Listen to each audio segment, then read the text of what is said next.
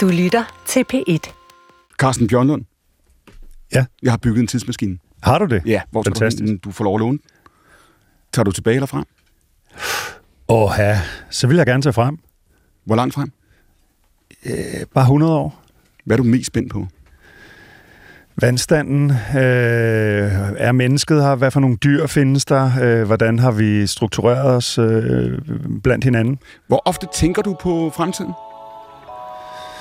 Den tænker jeg på dagligt i form af sådan små bekymringer over børn og den slags. Men også over naturen, planeten, hvor vi er på vej hen?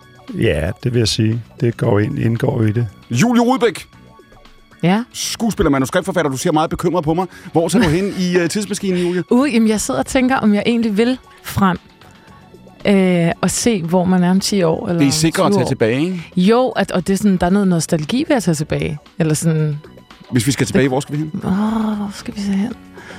Ej, men jeg vil jo også gerne frem, når, når Carsten sidder og siger det, at man vil, hvad, man du får lov er vi, nysgerrig på vi, vi vender tilbage til, du får lov at tænke. Ja, tænker Marstrand, forfatter, hvad- hvor tager du hen? Frem eller tilbage i tidsmaskinen? Hmm, frem, tror jeg. Hvor langt frem? Og et par hundrede år. Ja, det, Så langt frem. ja, det tror jeg. Altså, hvis der er noget. At der, Vil du nogensinde komme tilbage så? Eller kan man, tror man det ved jeg ikke. Det kommer an på, hvad jeg fandt derude. Emil Gold, hvor tager du hen? Jeg tror, jeg tager tilbage. Jeg tør ikke rigtig at tage frem. Hvor var du hen? Øh, renaissancen, eller... Okay. Det kan også bare være 2004. Det var, faktisk. ej, renaissancen, det var nu alligevel, det var hardcore øh, i 2004. Ja, før smartphone. Kunne det ikke være sjovt? Lige prøve det. Alright. Ja. Til 2004 Og jeg var alligevel. 13 år, Nej, og alt var ligesom Alt var det skulle fedt. være. Alt var ja, præcis. Alle bekymringerne er kommet til siden. Ja, men det er det. Det er det. Det siger Den Emil vi.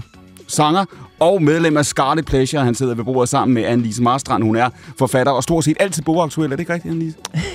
jo, det er jo faktisk ikke løgn. Det er ikke meget galt. Ved bordet sidder også skuespiller og fritidsrockstjerne Ja, tak. Carsten Bjørnund, ja. Ja. og så fik jeg også præsenteret Julie Rudbæk, der lige om et kort sekund er aktuel på din tv-skærm. Mit navn er Clemen Kærsgaard, og dette er Stafetten, programmet, hvor fire gæster sender tidens og livets store spørgsmål videre til hinanden.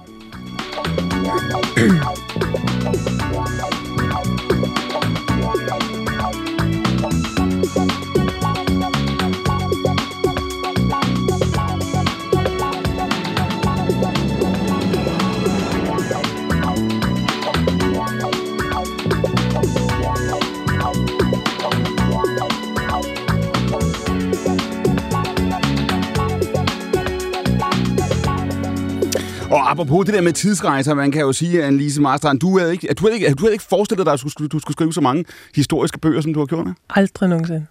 Aldrig nogensinde. Men så på et tidspunkt kommer jo blandt andet Hildegard ind i dit liv. Og Helt hvem, bogstaveligt nærmest. ja, hvem er hun? Jamen, Hildegard af Bingen, hun var en nonne, der levede i 1100-tallet i Tyskland, og som fra hun var tre år og til hun døde som 82-årig, var fuldstændig overbevist om, at hun hørte Gud tale til sig. Og, og, du, du, hvordan, og den historie, du kender til hendes eksistens, Nej, dårligt. Altså knapt, dengang jeg gik i gang. du kender navnet. Jeg kendte navnet, fordi jeg havde hørt det i forskellige sammenhænge, men, øh, og så havde jeg fået en, en bog af en veninde med illustrationer fra hendes værker, fordi hun var jo også videnskabskvinde og læge, og skrev nogle øh, værker om det, og nogle visionsværker. Øhm, og den havde jeg set på billederne, og så havde jeg lagt den ind i reolen. Og så var jeg gået i stå i en anden bog. Ja, så det var en overspringshandling i virkeligheden. Det var lidt en overspringshandling, men nej, og så var det, havde jeg lidt glemt det. Jeg tænkte ikke over det, og så var jeg faktisk meget trist over ikke at kunne komme videre med den bog, jeg havde sat mig for at skrive. Mm-hmm. Og det blev værre og værre. Og så en aften, så lå jeg på gulvet og hørte musik, og så fik jeg den der idé, skriv om Hildegard af Bingen. Og du, er- du, er det, du, du vidste intet mere, end det, du Intet som helst. Okay. Det var fuldstændig vanvittigt, og jeg prøvede sådan at, at skubbe det væk, og tænkte, den der, den ryger bare ud i den store. Så der var, var det også en ærkeengel, der kom og pustede dig øret? Ja, det er måske, det er så, så det er måske lidt selvovervurderende. Men der var et eller andet mærkelig forbindelse, der skete. det kunne være en af de mindre ærkeengel, behøver ikke være. en lille, en lille ydmyg ærke. Ja. Ja. Nej, jeg ved ikke, hvad det var. Det var i hvert fald mærkeligt, og det gjorde jo så, at jeg, at jeg kæmpede lidt imod, og så googlede jeg Hildegard, og så læste jeg hendes meget kortfattede biografi, altså hvem var hun, hvor blev hun født, og hvad skete der? Og så var jeg fuldstændig solgt. Og jeg har hørt dig sige det her med, fordi du kommer jo til at leve. Hvor længe levede du med hende? Sådan. Overvis jo. Altså, jeg skrev tusind sider om hende. Jeg tænkte, skriver jeg sådan en lille bog, en lille historisk roman, jeg ser, om jeg kan, og så endte det jo med at blive to om hendes Og hvornår, hvor langt var du inde i, hvor du tænkte, det her, det kommer ikke til at, at, at dø lige forløbet. Det her, det skal... Jamen, jeg var, altså, jeg var rigtig kort inden der forpligtede mig Mhm. mm. til at gøre det i forhold til mig selv. Men jeg vidste jo også, at jeg ingenting vidste. Jeg vidste jo knap nok, hvornår middelalderen havde fundet sted. Altså, jeg havde virkelig en ringe historisk forståelse af viden dengang. Så, og det var egentlig et meget godt udgangspunkt. Fordi så ved man jo også, at man skal researche alt. Og, og hvor gammel er hun, da hun hører Guds stemme første gang? Tre år. Eller der fortæller hun om det. Der, i rent, der kan hun huske det. Hun har sådan en, en, en følelse af, at, at det har været altid. Ikke? Og fra de kilder, vi kender, der fastholder hun gennem hele sin tilværelse, at hun hører Guds stemme. Der, det er sådan der. Det er sådan der. Og det er jo der, hun får, altså alt, hvad hun laver, hun er også komponist, det er jo noget af det, hun er mest kendt for i Mm. dag, kan man sige. Så hendes øh, musik og hendes teologiske værker og hendes indsigt i naturen, alt det er noget, hun vil opleve, som hun får som visioner. Hun siger, at alting findes, det er bare et spørgsmål om at indstille sit øre, så man kan høre det. Hvordan erkender hun forskel på Guds stemme og sin egen? Jamen, der har hun en meget klar beskrivelse af, at hun sidder... Øh, altså, det, hun har en meget klar beskrivelse af, at det er...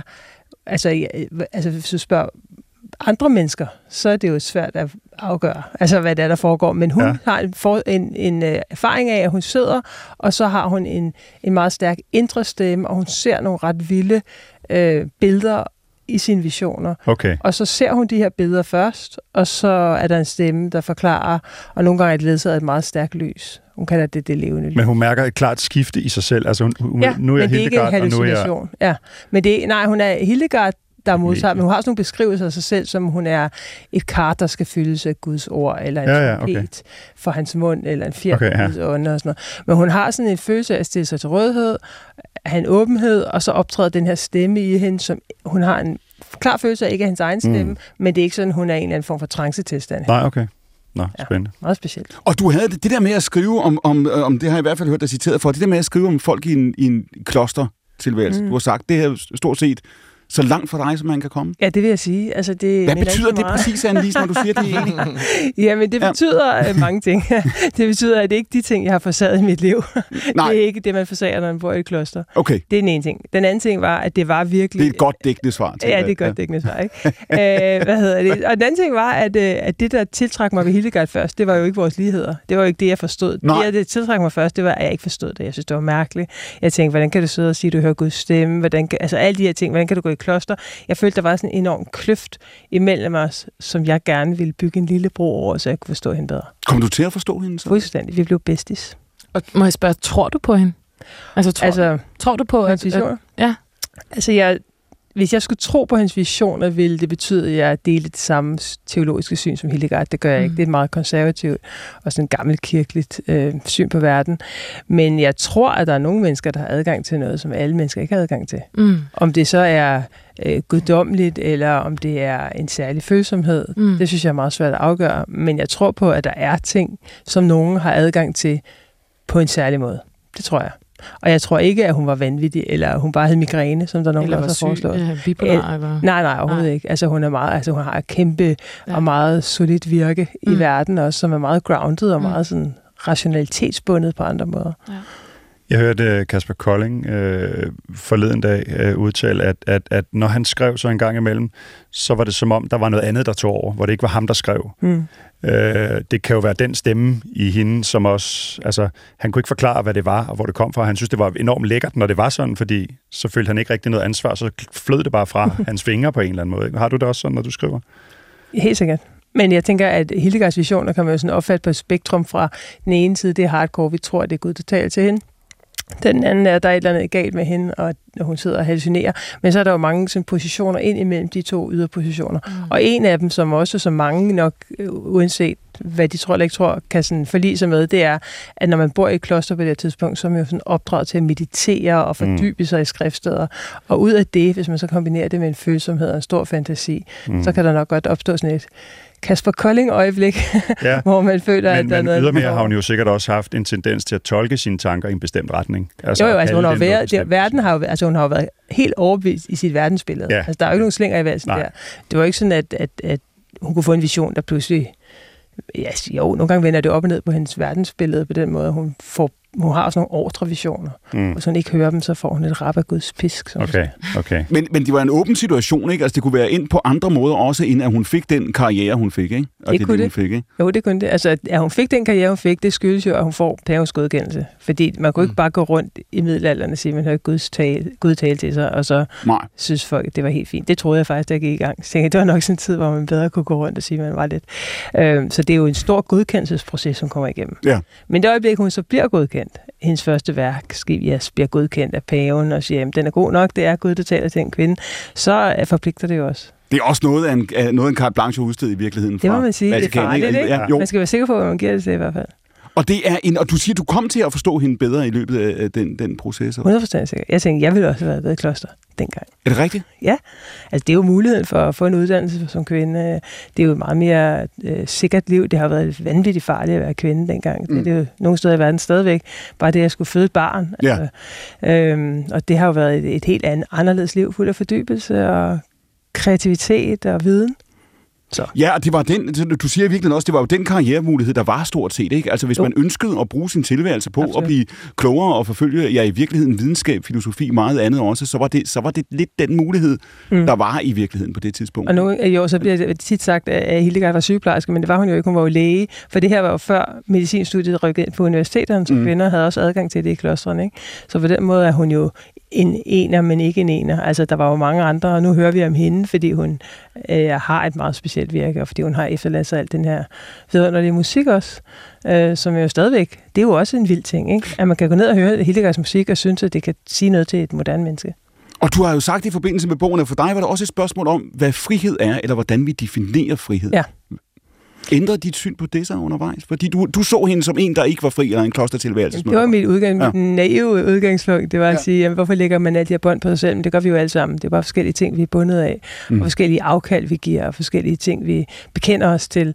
Øh, ja, hun har jo en, en, en stor frihed i at have et, et meget stærkt kompas, en meget stærk fornemmelse af retning, en meget stærk fornemmelse af, hvad der er det rigtige at bruge sit liv på, og et stort ønske om at øh, hjælpe andre mennesker. Føler, hvad, har, du, har du ændret dit eget syn, øh, Annelise, på, på, på, hvad frihed vil sige?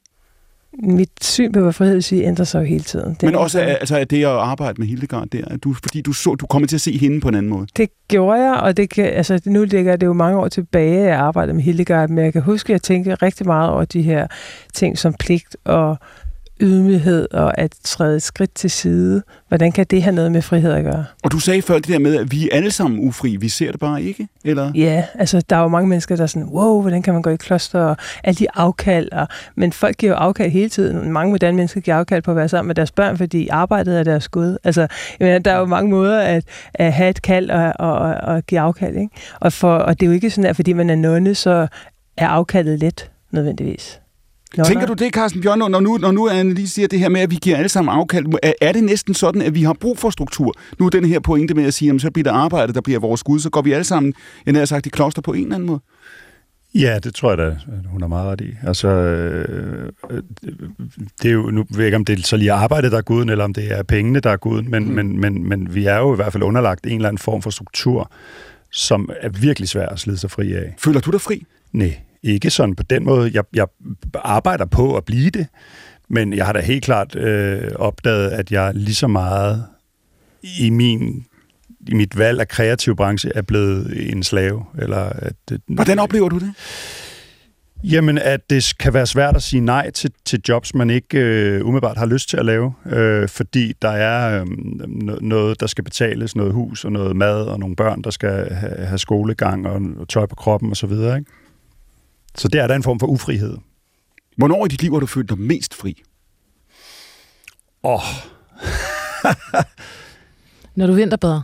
Ja, altså helt klart, når jeg venter bedre, men også nogle gange har jeg oplevet, øh, sådan, øh, at, at, at, at rum og tid er ophørt, øh, når jeg spiller øh, skuespil. Øh, så, så, så, så når jeg står med en... Et Kasper Kolding-øjeblik, Ja, måske, Ja. på en eller anden måde. Ja, det kan man sige. var det, vi fandt ud af. Det. Ja, ja.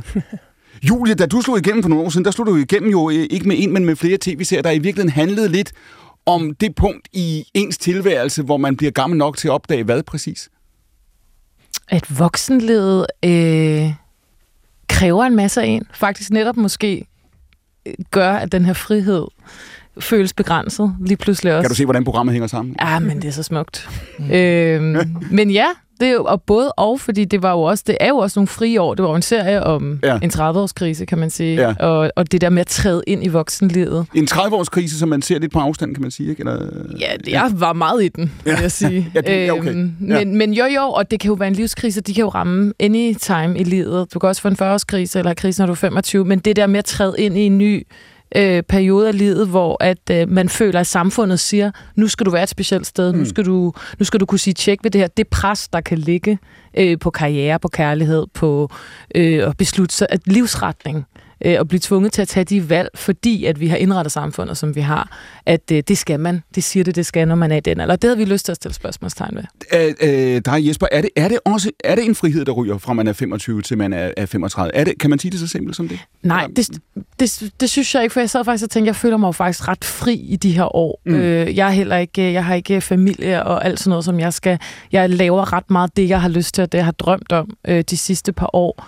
Så jeg synes jo også, det at blive voksen giver en, også en økonomisk frihed. Mm. Øh, men, og at man, man, man tager sin egen valg, men det er jo både og. Så er der, så er der de her, som vi snakker om, de der øh, ting, som man også lige skal have øh, styr på, på en eller anden måde, som jo godt kan føles ikke frit.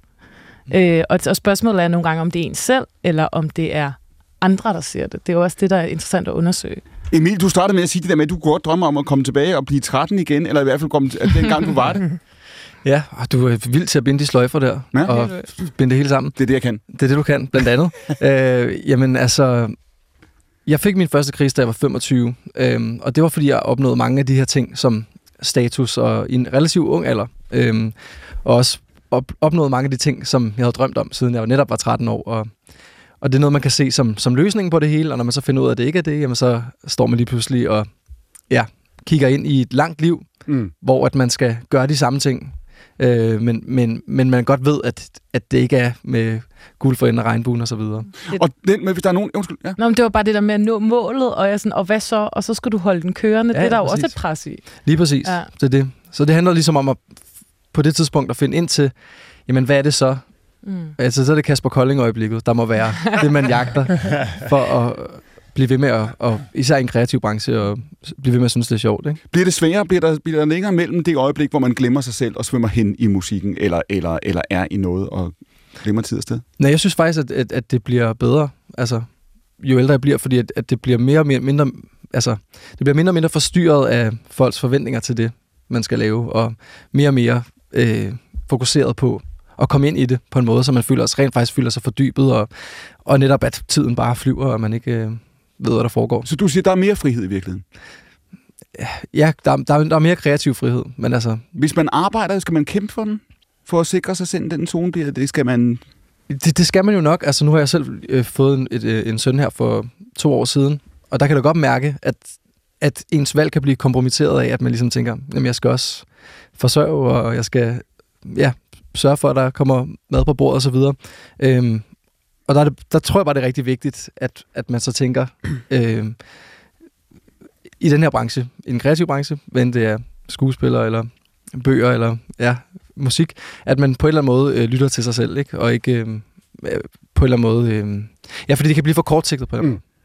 Carsten, når du siger før det der med, at man, den, man, altså, friheden er der ikke, eller den, altså, man, bliver, man bliver underlagt noget andet på en eller anden måde. Er det også øhm, er det bekymringerne? Er det, også, er det også fordi, man tænker over konsekvenserne af de ting, man gør? Man tænker over de valg, man har truffet? At der ligesom er bare mere på harddisken også? Øh, Det, det er muligt, altså, men jeg tror mere øh, øh, end det, tror jeg faktisk, det er det der med, hvis man, hvis man netop øh, øh, træffer valg baseret på noget andet end ens godt feeling og ens for- fornemmelse af at gå i retning af det, man har lyst til, men hvis man træffer valg baseret på økonomi eller fornuft eller sådan nogle andre ydre ting, Mm. så, så, så kan man nemt komme ned ad en eller anden sti, hvor man pludselig ikke befinder sig godt.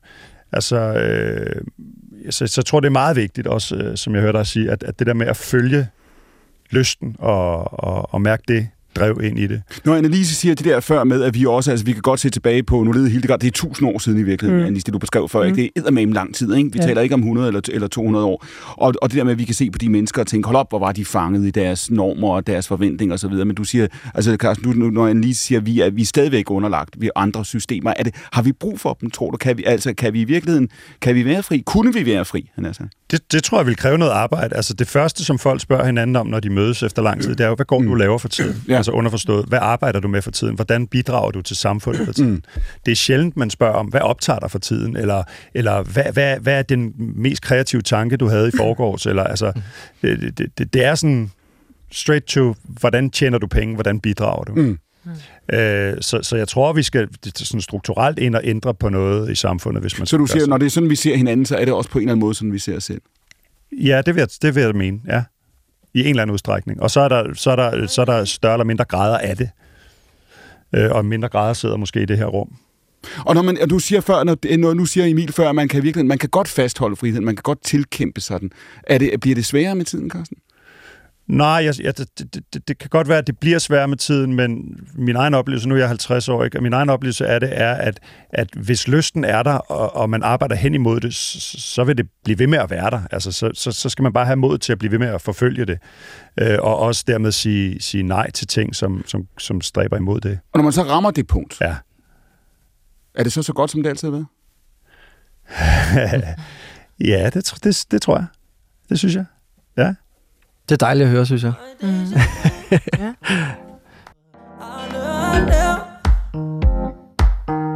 Broken hearts and sweet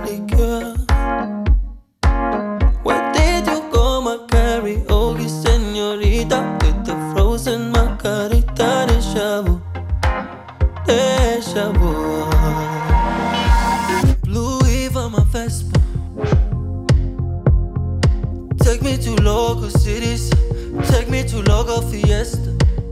I know it's a fine line, but I'm on vacay on a half time. Cause I need this space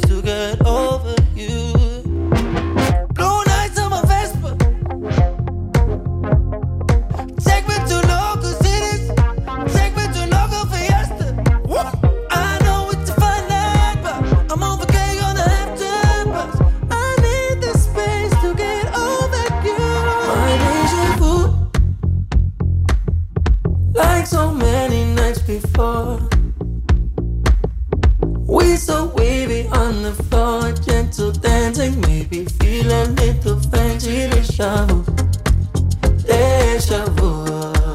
I I know. Broken hearts and sweet liquor. Where did you go, my señorita? With the frozen margarita deja vu, deja vu. Cold breeze by the ocean. Radio gives me a feeling. Radio give me emotions. Playing cliches from the 80s. And all it does is remind me that I need this space to get over you.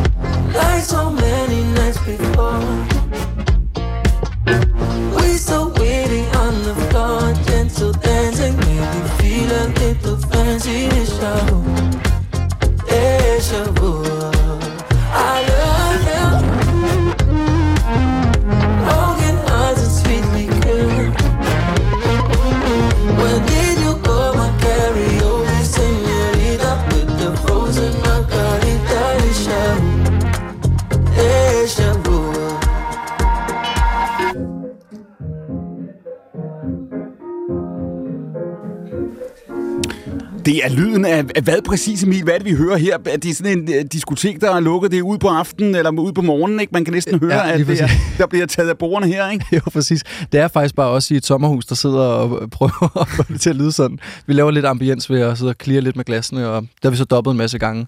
Og så lyder det som et selskab. Ja. Déjà vu som nummeret. Ikke déjà vu, det hedder déjà vu, ikke? Jo, jo, den har vi... Det, altså, det Ja. lød bedre. Altså, det lød bedre i den sammenhæng. Det skulle rime på nogle andre ting. Og sådan Ja, så det, det, var, det var, hvad hedder det, hvor kom det fra? Øh, jamen altså, vi var meget optaget i den periode af sådan, det tror jeg egentlig stadig, vi er, sådan uh, hedonisme og, og, og så den desperation, der kan komme, når man ligesom er... Det er sådan meget, det er sådan meget intellektuel måde. Vi var meget optaget i den periode af hedonisme. Ja, det, jeg, er jo i betyder- P1, jeg er jo i P1 for helvede, Ja, ikke? det er Altså, det, rigtigt. sidder Ja, over for jo, så du får det frem i mig. Hvad kan jeg sige? Det havde jeg ikke sagt på B3, Nej, vel? det er- endelig nej. lov. Vi var meget optaget i den periode af hedonisme. Ja, det vil Nej, men, øh, Ja.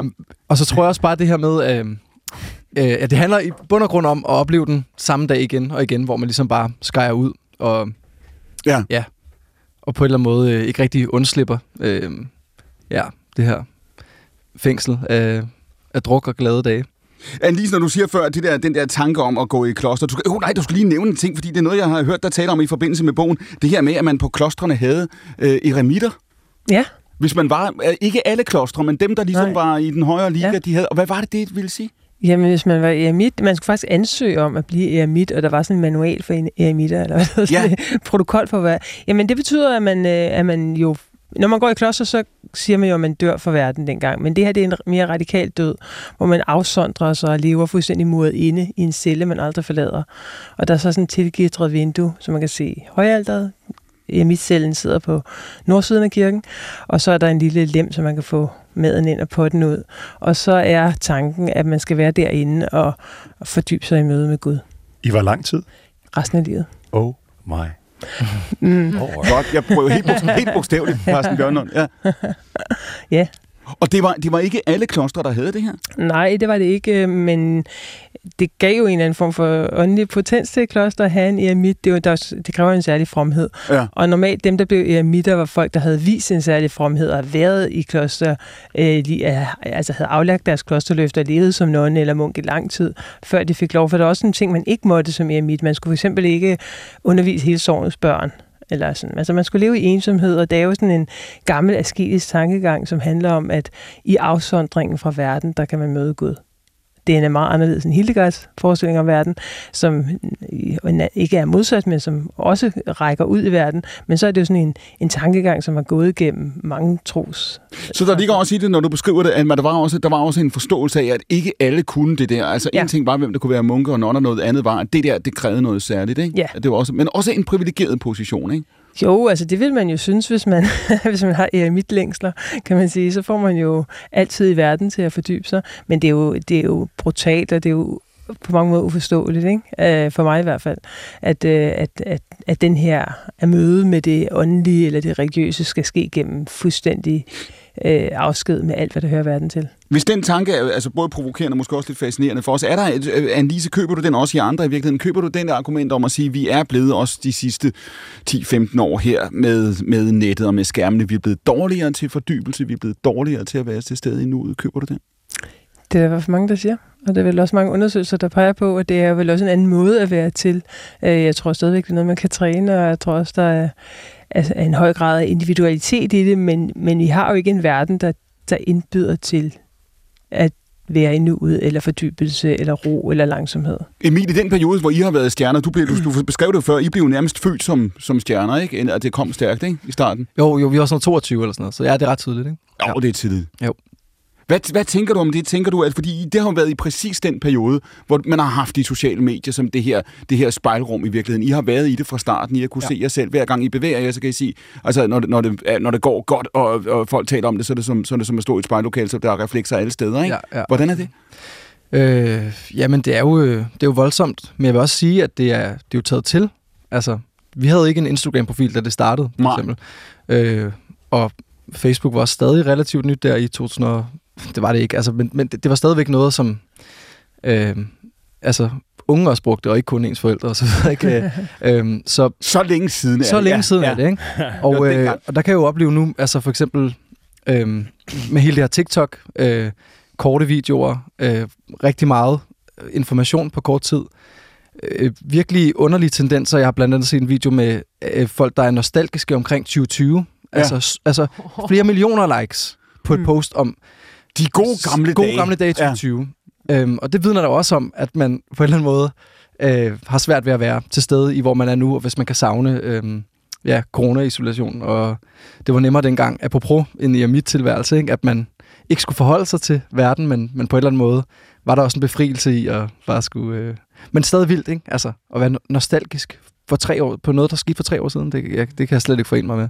Julie, hvad tænker du? Har du den opfattelse af, at der er nu, nu snakkede vi før om, om, øh, om de første tv-serier, som I lavede, der, og, og det der med at være omkring de, de, øh, de 30, føler, føler du, at... Øh, altså, føler du, at dem, der er unge nu, som I er rigtig unge nu, er, er langt væk fra dig? Ja, det kan jeg faktisk godt føle. Altså, øh, nu er jeg jo i 30'erne, og, og det er jo sjovt det der med, at man på en måde føler sig ung i nogle sammenhænge, og kan tage sig selv i at lyde enormt ung og woke, og så kan jeg snakke med nogen på 20, og så kan jeg føle mig super gammel og super outdated. Og, sådan. og i forhold til hele det der ting, altså jeg, fordi jeg kan også sagtens huske, da Facebook, og jeg kan også godt huske, jeg havde en fax, da jeg var lille. Altså sådan, så man har, jeg har også været et 90'er bare, altså del af en, en helt anden, og kan huske den der øh, lyd, når man skulle på internettet, den der, altså når den ringede op. Mm-hmm. Altså sådan, så jeg synes også selv, og der føler jeg mig jo lidt gammel, fordi at jeg godt, jeg, altså jeg er heller ikke TikTok og sådan noget, så jeg, jeg er lige sådan splittet mellem øh, det der. Mellem faxen og TikTok. Lige Ja, præcis. i, Fuldstændig Så lige du ser, du ser før, Ja. Julie, hvis du taler med nogen, der er... Altså, altså, hvor gamle skal de være, før du føler dig ung? Ah, 50. Ja, okay. Nej, jamen, det er jo meget, det kommer op på, hvad man diskuterer. Nej. Men det er jo, det er jo bare sådan, det er jo med alle holdninger, med alt, der er så mange ting i det, hvor, at, og nu, det er også fordi, det er jo det serien, vi har lige har lavet, også handler meget, Ja. ja. så vi har dykket meget ned i det de sidste par år, med hvorfor det er, hvorfor sproget mellem generationer øh, er så svært nogle gange. Men, det, men lad os lige holde fast, fordi jeg tror, den oplevelse, du beskriver her, når du siger, hvis du taler til nogen, der er altså så gamle som over 50, ikke? det kan man jo godt... Det er mis- måske mest, hvis jeg snakker med mine forældres generation, og jeg kan have nogle diskussioner med dem, hvor jeg tænker, oh my god. Og så føler du dig ung, så tænker Så du... føler jeg mig meget Ja. ung, og måske endda endnu mere woke, end jeg er, men så ta- indtager jeg jo den position. Ja. Og så samtidig, hvis jeg snakker med... Nu var jeg inde og se Nina Rask show. Øh, Nina er sjov i går. Hun er jo så skarp, og hun er så fremme. Hun er 25 år, og hun er så... Hun har bare fat i noget, hvor jeg kan sidde og føle mig ekstrem... Øh, Spidet.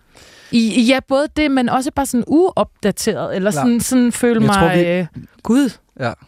Altså, Det det, det, det, jeg tror, vi er millennials begge to. Vi er ligesom sådan det evige midterbarn, ja. og det er derfor, jeg kan sidde og sige, at vi var optaget af hedonisme, når jeg er på P1, og så snakker jeg på en helt anden måde, når jeg er over for ting. Altså, du ved, ja. det der med, at man sådan, på en eller anden måde tilpasser sig lidt sine omgivelser, ikke? Ja. Altså, fordi at man er. Er lidt, øh, vi ja, er man, reddet op man hiver to. lidt i den anden retning, hvis der er en, der hiver meget der. Så Ja, ja. Nå, ej, men der er også lige det her. Jeg kan altså også huske, der vi ikke. Og... Præcis. Ja. Man er reddet mellem, op mellem to tider på den måde. Ja. På den måde. ja. Så der sidder du i salen og føler dig boomeragtig i virkeligheden, ikke? Nej, jo, men i hvert fald, jeg tænker bare, hun har fat i noget, som min generation i hvert fald tog meget mere afslappet. Når Emil beskriver det der før, nu siger du det med, at du er ikke på TikTok, ikke? Du har ikke mm. den der. Kan man, kan man lukke det ned? Altså, I er alle fire også i en underholdningsbranche, hvor mm. man skal øh, være, være berømt, ikke? Dybest set. Altså, jo, bedre, jo mere berømt, jo bedre, og det kigger alle på, hvad enten de siger det eller ej, så er det bare en, også en valuta, som man Mm. tager med ind i alle møder. Det- Man, man, man bærer det med sig. Kan du lukke ned for det, Julie, det krav eller den forventning? Mm, nej, det kan jeg ikke, fordi det er helt rigtigt. Jeg synes, det er lidt et faktum, at jeg tror ikke, så mange i vores branche har LinkedIn. så derfor så tror jeg, at man bruger øh, Instagram. Mm. Altså det, det, det, jeg bruger mest, og Facebook. Jeg er ikke hoppet over på TikTok. Det kan godt være, at det kommer til at ske. Men jeg tror, jeg har faktisk ikke kunne overskue et medie mere. Du sidder simpelthen Så- med, løft, du sidder bogstaveligt med løftet pegefinger men over for Emil. og jeg ved jo godt, helt- der er jo ja, mange, der siger, øh Julie, du skal ind og lave, lave, ind og lave videoer der, og så sådan, men jeg kan ikke helt, og sådan, så er jeg sådan, jeg har min Instagram, og der kan jeg poste, når Hvad er det, man skal nyt. kunne, Emil, på TikTok? Hvad er det, Julie skal lave, hvis hun skal derover? Det er sådan noget med at spænde sig fast i en indkøbsvogn og, og køre ned en bakke, ikke? Det er det er det, mit jeg har ind- hørt, det ikke kun er. Det er mit indtryk. Jeg har Man ikke... også kan lave kunst. Ja, men altså, det er det. Jeg vil sige, jeg tror, vi har prøvet at tage den mindst øh, lol-approach, hvis man kan sige det sådan. Altså prøvet at gøre det så meget på det, vi kan finde ud af. Ja. Øh, lave Du nogle... er lige nødt til at oversætte for pætlytterne. Mind, mindst lol. Jeg tror, LOL er noget til pæt netop, ikke? Altså, øh, er det ikke, er det ikke, Ja. er det ikke sluppet netop? Det er, også, det er også et udtryk fra 2007. Eller Præcis. Ja, ja. Øh, jeg tror, at... Øh, I ligger i den lødige ende af spektrum. Ja, ja, præcis. Ja. Indtil videre. Indtil Mm. videre. Altså, fordi at, øhm, det kan man også godt se, at det er ikke nødvendigvis det, der virker bedst. Det er det ikke. Men altså, en gang imellem, altså, så, øhm, så, så, lykkes, så lykkes man big time. Så kommer kommer det virkelig bredt ud. Men jeg tror, det er, det er, det er en meget hæftig algoritme, og det er noget med at være øh, ret konsistent med at blive ved med at lægge op og sådan noget. Og det er jo, Men må jeg spørge, hårdt, ser altså. du så øh, det TikTok-arbejde som en del af dit kreative arbejde? Synes du, det er lige så sjovt at lave, som du synes, det er at lave musik? Eller er det sådan en add-on, som er en pligt? Øh, Det er absolut mere i pligt øh, spektret. Ja. Og at det tror jeg, at det der er helt problemet, det er, at der er nogen, der er vokset op med det som en del af måden at udtrykke sig på, Mm. mm. hvor for min generation, så er det, så er det noget, vi skal gøre, øh, fordi vi skal. Og jeg tror, at det, er det der er helt problemet, det er, at musikere, øh, eller generelt kreative mennesker, er i, i, i høj grad deres egen marketingsselskab Mm. øh, selskab nu til dag, så at det er ikke noget, man på samme måde lige kan, kan købe sig til, eller Ja, lad os lige prøve, Car- Carsten Bjørnholm, fordi, og det, fordi du har altså, er, det her, er der ikke noget med, at det her det er blevet værre på en anden måde, end det var? Altså, var det ikke trods alt sådan for 15-20 år siden, at hvis man havde et eller andet kvantum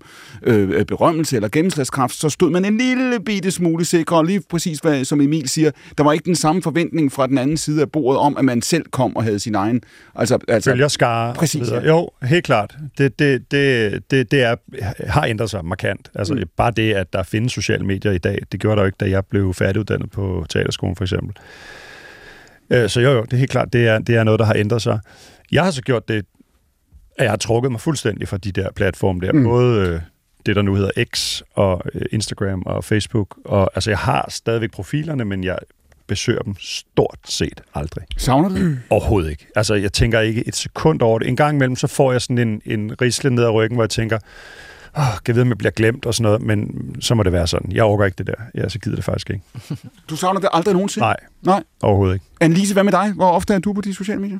Øhm, altså, jeg er kun på TikTok. Jeg er jo så heldig, at jeg har børn fra 12 til 27. Så jeg er på... Så du er nødt til at være på alle platforme. Øh, ja, jeg står til for alle platforme. Det er jeg faktisk. Nå, men jeg har også Men børn jeg- i den alder, men jeg har, ikke, jeg har aldrig haft en TikTok. Nå, men jeg synes, det er fedt at følge med, og jeg synes, det er super berigende at se, hvordan de bruger det, og netop hvor hurtigt trendene skifter, og hvor, hvor stor forskel der er på at være meget ung øh, teenager, og så faktisk være i 20'erne. Altså, Mm. det, det beriger min verden, og det gør den meget større i hvert fald. Men øh, selv der er jeg ikke så meget... Jo, jeg bruger jo Facebook, men det bruger jeg på en helt anden måde. Det bruger jeg ikke til selvpromovering, det bruger jeg politisk og aktivistisk. Og så bruger jeg Instagram til, jeg har lukket profil, så hvis man virkelig gerne vil følge mig, så må man gerne se mine billeder fra, når jeg sidder og skriver og går tur med min hund. Mm. Så det er det, jeg, det, er det, jeg gør. Og du, kan, du føler godt, at du kan lukke af. Du føler ikke, at der er et- et pres for, at ej, man må hellere lige ved lige. Overhovedet ikke. Nej. Overhovedet ikke. Altså, men jeg mener, altså jeg har jo læser, ikke? Jo. Det er jo folk, der sidder og læser tykke bøger. Altså det, Tusind sider om og det, Hildegard. og, ja. og så, der, så har jeg så en, et stort råd i noget aktivistmiljø, og der er Facebook jo genial altså, til at sprede information og få kontakt med folk og sådan noget. Så, så jeg bruger det måske på en anden måde. Jeg har ikke det der pres om, at jeg skal tage mig ud på en bestemt måde. Øh, Jeg også, altså det, det vil jeg faktisk sige. Det er nok et af privilegierne ved at blive, ved at blive over 50, så det er fuldstændig Julie, med. Jule, hvad tror du, når vi, når vi ser tilbage på, på, på de år, også dem, som I har beskrevet i jeres tv-serier, i, Mm. i, i filmen øh, Elsker dig for tiden osv., hvad kommer vi til, og når vi kommer til at se tilbage på de sociale medier osv., fordi det har jo været, vi er jo deltagere stort set alle sammen i et kæmpemæssigt eksperiment, altså det, at vi befinder os så stor en del af vores vågne tid på de her platforme, det Mm. er jo, altså vi aner jo dybest set ikke rigtigt, hvad det gør ved os. Hvordan kommer vi til at se tilbage på det, tror du? Se tilbage på det, jamen det er jo spændende. Er jo, altså, jeg tænker jo bare, at det bliver ved. Du altså, tror ikke, vi kommer, at- til, vi kommer det ikke til at godt være, der det? er kommer sådan en, mo- en... Fordi det kan godt være, der kommer sådan en periode, hvor at der så kommer øh, modstand på det, og det bliver overfin periode, men jeg tror sådan overordnet, nu kan vi også se med AI, og sådan, altså, jeg føler jo faktisk, at TikTok er øh, vores generations YouTube. Altså sådan det der med, der vil hele tiden komme nye platform, nye steder, Mm. mm. nye, øh, og, og der er, vi kan sige rigtig mange negative ting om det, men der er også mange gode ting. Der er jo, som du også siger, det er jo en promoveringsmulighed, og det er også mulighed for, at nye talenter kan blive opdaget, uden at der er to, der skal sidde og beslutte, hvem det er. Der er også rigtig mange muligheder i det her. Men du forestiller dig, vi kommer ikke alle sammen til at gøre som Carsten Bjørnlund og Ja, og jeg tror, der kommer modbølger. Det tror jeg, der gør på rigtig mange tendenser. At så vil der komme en periode, hvor at, øh, det vil være... Og jeg synes jo allerede, man også har set, at nogen vælger ikke at have iPhone og vil gerne have en af de gamle Nokia for at være ja. offline. Det har allerede været lidt fashion, eller sådan det, lidt mode at gøre. Det, den fax, du har stående nu, den kommer ja, på mod igen. Den bliver, for den bliver rigtig moderne igen. Det var godt, jeg gemte den. Tror du, der Øhm. kommer politisk regulering af de der platforme? Mm, Ja, det gør der jo AI. Altså, det er man jo allerede ved at gøre, ikke? Men jeg ved ikke med sociale medier. Altså, det, Jeg tror, der kommer til at være en valuta i, i privatliv. Ja, Det tror jeg også. det, det tror Hvad jeg. mener du med det, Emil? Ja. Jamen altså, hvis lige nu er det højeste statussymbol, det er at have mange følgere, og have rigtig mange, der følger med i dit liv, jamen så kommer der en modreaktion, hvor det handler om, Mm. mm. at og jeg tror allerede, der er en tendens blandt Eksklusivitet. eksklusivitet. Mm. Jeg tror allerede, der er en tendens blandt unge Mm. mennesker også, at deres Instagram-profiler er pri- private. Mm. Øhm, og at det på en eller anden måde handler om at have tætte vennegru- vennegrupper frem for at dele med så mange, muligt, øh, så mange som muligt, hvad, hvad man går og laver. Ikke? Ja. Hvad med det faktum, at de her platforme øh, sådan ret åbent øh, har, har udmeldt, at de, de kæmper om vores tid? Mm. Altså, de vil have vores tid. De vil også gerne have din søvn. De vil også gerne have den tid, du øh, normalt bruger med dine børn og sådan noget. Hvordan forholder I jer til det?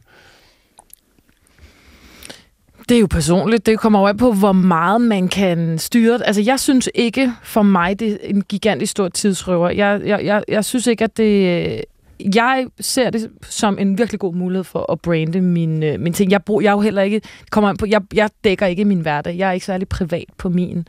Øh, så jeg bruger det rent altså, som sådan en professionel LinkedIn-følelse. Ikke? Øh, men jeg, jeg kunne bare ikke forestille mig, at der kom regulering i... Øh, det der med, det tager vores tid, og, og i forhold, det må være et ansvar øh, hos individet på en Men eller anden måde. du sagde også før, Julie, du, kan ikke, du forestiller dig ikke, at der kommer en dag, hvor vi slukker for det, og hvor vi ser tilbage Jeg på tror det. bare- Bare... Nej. Der kommer noget nyt, men jeg tror, det er rigtigt, som Emil sagde. Jeg tror, der kommer en modbølge, eller det bliver utrendigt at dele ud af sig selv. Men det er jo allerede begyndt, ikke? Jamen, det, altså, det, folk er jo meget mere bevidste om, allerede hvad, lidt. Det hvad vil de gå i deler. bølger op og ned. Men og altså, jeg, med filtre og sådan noget er blevet virkelig utrendy. Ja, ja, det og, det. Så der, og det er jo også, fordi der er kommet alle de her influenter, som ligesom, det er dem, der gør det så meget, så jeg tror, at hvis man Det øh, professionel, Ja, det, det er blevet sådan en, hvor at hvis man så laver musik, eller film, eller hvad man laver, så, vil man, så vil, ved jeg, at der er en værdi i ikke at dele så meget af sig selv Mm. privat. Hvor let er det for dig at slukke for det, hvis du skal arbejde med noget og sige, nu skal jeg ind i noget stof, nu skal jeg have en ny idé, jeg skal et sted hen i mit hoved, jeg ikke har været før.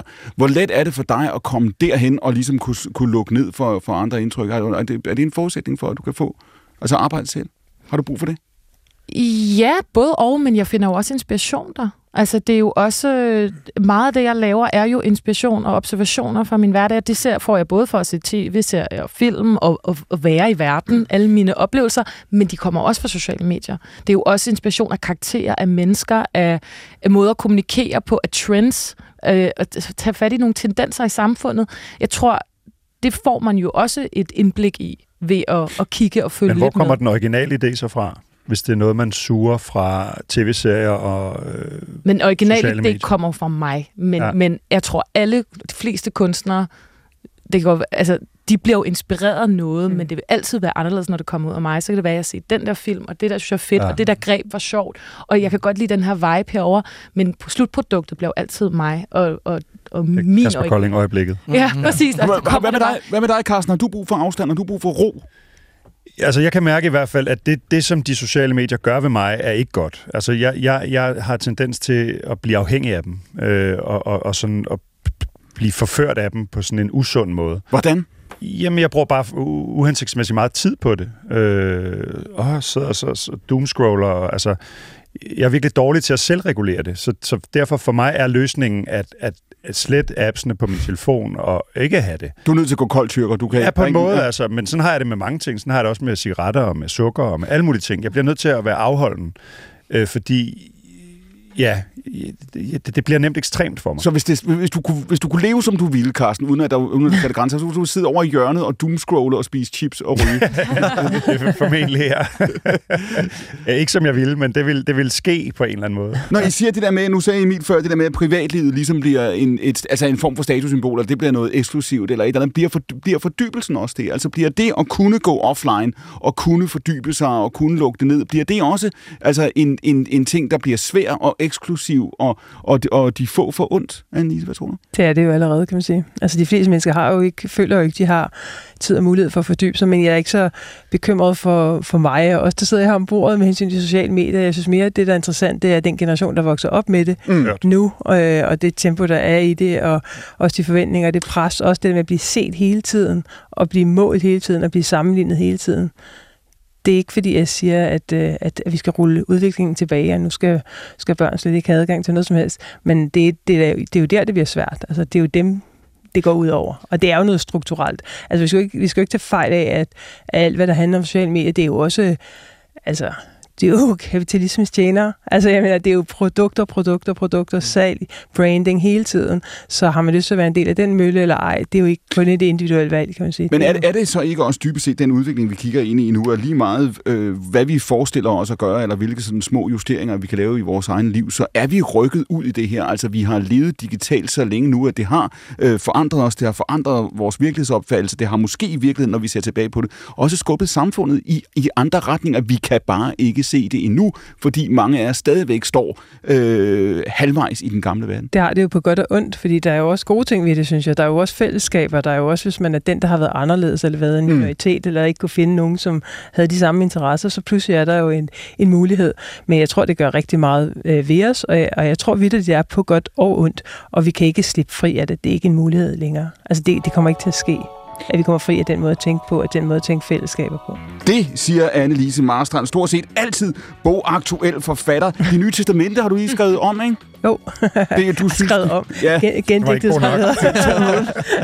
Jeg vil gerne komme med Hvad et bud. trængt til? 10, 10 bud var ikke nok. Nej, det var det gamle testament. Nå, uh, Annelise Marstrand sidder ved bordet. Det samme gør skuespilleren Carsten Bjørnlund, Emil Gold fra Scarlet Pleasure, sanger og sangskriver samt selvfølgelig Julie Rudbæk, som lige om et øjeblik er aktuel med Bag en hver mand.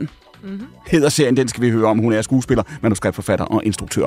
Mit navn er Clemen Kærsgaard. Vi er tilbage med anden time af stafetten. Det er efter radiovisen, men den kommer her, for klokken er 13. Carsten Bjørnlund, føler du dig som en del af en generation? Ja og nej. Altså, jeg går ikke rundt til, til hverdag og føler mig som en del af en generation, men, men jeg kan jo godt mærke, at jeg er det, når jeg, når jeg for eksempel øh, kigger på øh, mine børn og sådan noget. Hvornår, og er der et tidspunkt, du siger, at du er, du er 50 nu, ikke? Mm-hmm. Var der et tidspunkt, hvor du opdagede, gud, jeg er en del af en generation? Jeg vidste ikke. Nu kan jeg mærke det. Ja, altså, jeg vil sige, jeg, jeg troede sådan et godt stykke op i 30'erne, og også på den anden side, at, at jeg var blevet 40, så tænker jeg, okay, jeg er åbenbart altid sådan øh, trendy og forstår øh, Ja. al musik og ja. alle bevægelser og sådan noget, men så gradvist sådan igennem 40'erne, så begyndte det sådan at skride, når mine børn kom med nogle ting, som, kender du det her, far? Nej, nej, hvad er det, de siger? Og sådan, altså, så begyndte de der ting sådan at, at, at komme. Og der følte jeg mig i hvert fald som en del af en ældre generation end mine børn. Der, der kom det Julie Rudbæk. Føler du, du og Emilie blev enige om i time 1. I er millennials.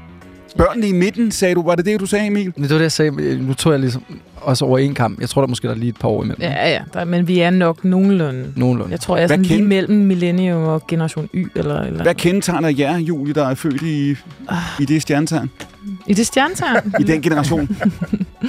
Ja, hvad gen- Jamen, altså, det, det, det der jo, altså, jeg lavede engang en sketch show, der Generation SoMe, som, som var øh, et generationsportræt af øh, den, øh, både med de sociale medier, som vi lige har snakket om, meget præget af det, men også sådan det der med, at vi har uendelig mange valg, vi er sådan meget selvrealiserende øh, generation, som, som Fået at vide, alt er muligt, ikke? alt er du kan muligt, blive lige, hvad du vil. og ja. vi har haft sådan en forholdsvis tryg øh, opvækst i nogle årtier, der har været sådan. Så, så ja, det der med, at du skal gå efter, du skal blive, hvad du vil. Alt er muligt, men der er meget fokus på selvrealisering og mig, og, men også en generation, der så derfor er svært ved at tage valg. Fordi hvad er et valg er et fravalg, og, og kan blive lidt handlingslammet. Og er det også en, er det er lidt en bræt opvågning for jer i de år, ikke? På den ene og på den I anden måde? forhold til... I forhold til, hvordan verden ser ud. Ja, hvor I det ja, og det er- falder sammen med jeres 30-års krise i virkeligheden. Ikke? Jeg generaliserer en lille smule her. Ikke? Ja, det er en mørk verden. Det Men det gør jo så også ens, øh, man kan sige, de problemer, hvis ikke, den, vi er, så hvis, den ikke, hvis ikke det er en dyster verden i forvejen, når man fylder 30 juli, så bliver det det, ikke?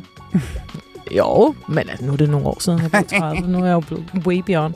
Øhm, ja, nej, ja, både og. Det, øh, der er også noget virkelig fedt i at, at komme op i 30'erne, synes jeg. Det siger Julie Rudbæk. Vi skal høre om den nye serie. Det skal vi om et øjeblik. Dette er anden time af Stafetten, programmet, hvor gæsterne sender både spørgsmål og svar videre til hinanden.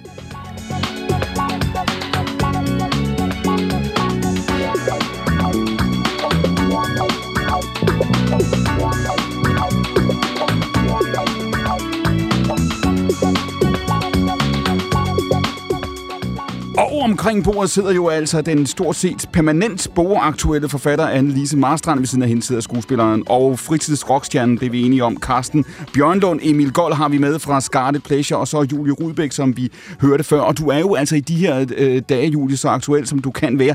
Bag en hver mand står hvad? Prik, prik, prik. Ja, hvad står der? Ja, hvad står der? Der står en kvinde. Også i den Der serie. står måske en stærk kvinde, en stærkere kvinde, en mindre kvinde. Det kan publikum selv afgøre. Det er en ny tv-serie, som er ude både på det gammeldags Flow TV, som man kan tilgå, ikke via, ikke via faxen, men øh, via øh, andre øh, platforme, og så øh, altså også på, på, på DR TV osv. Hvor kommer den ideen til den serie fra? Jamen, øh, jeg har jo lavet den sammen med min makker Jesper Suslak. Øh, vi har jo før, som sagt, lavet rigtig meget om 30 års krig, venskab, om kærlighed. Vi har lavet en spille, en romantisk komedie. Så jeg tror, vi havde Elsker dig for til, tiden. Elsker dig for tiden, Ja. ja. Øh, men hele tiden, hver gang vi har lavet har vi ligesom også gerne vil modernisere og tale ind i samfundet, hvor vi ligesom øh, synes, vi er henne, og hvad er tendenserne sådan. Og noget, vi ikke havde lavet noget om, det var øh, de her tematikker, som er forandring, magt og køn, som jo også har fyldt enormt meget i samfundet og i debatten de Mm. mm. sidste små 10 år snart.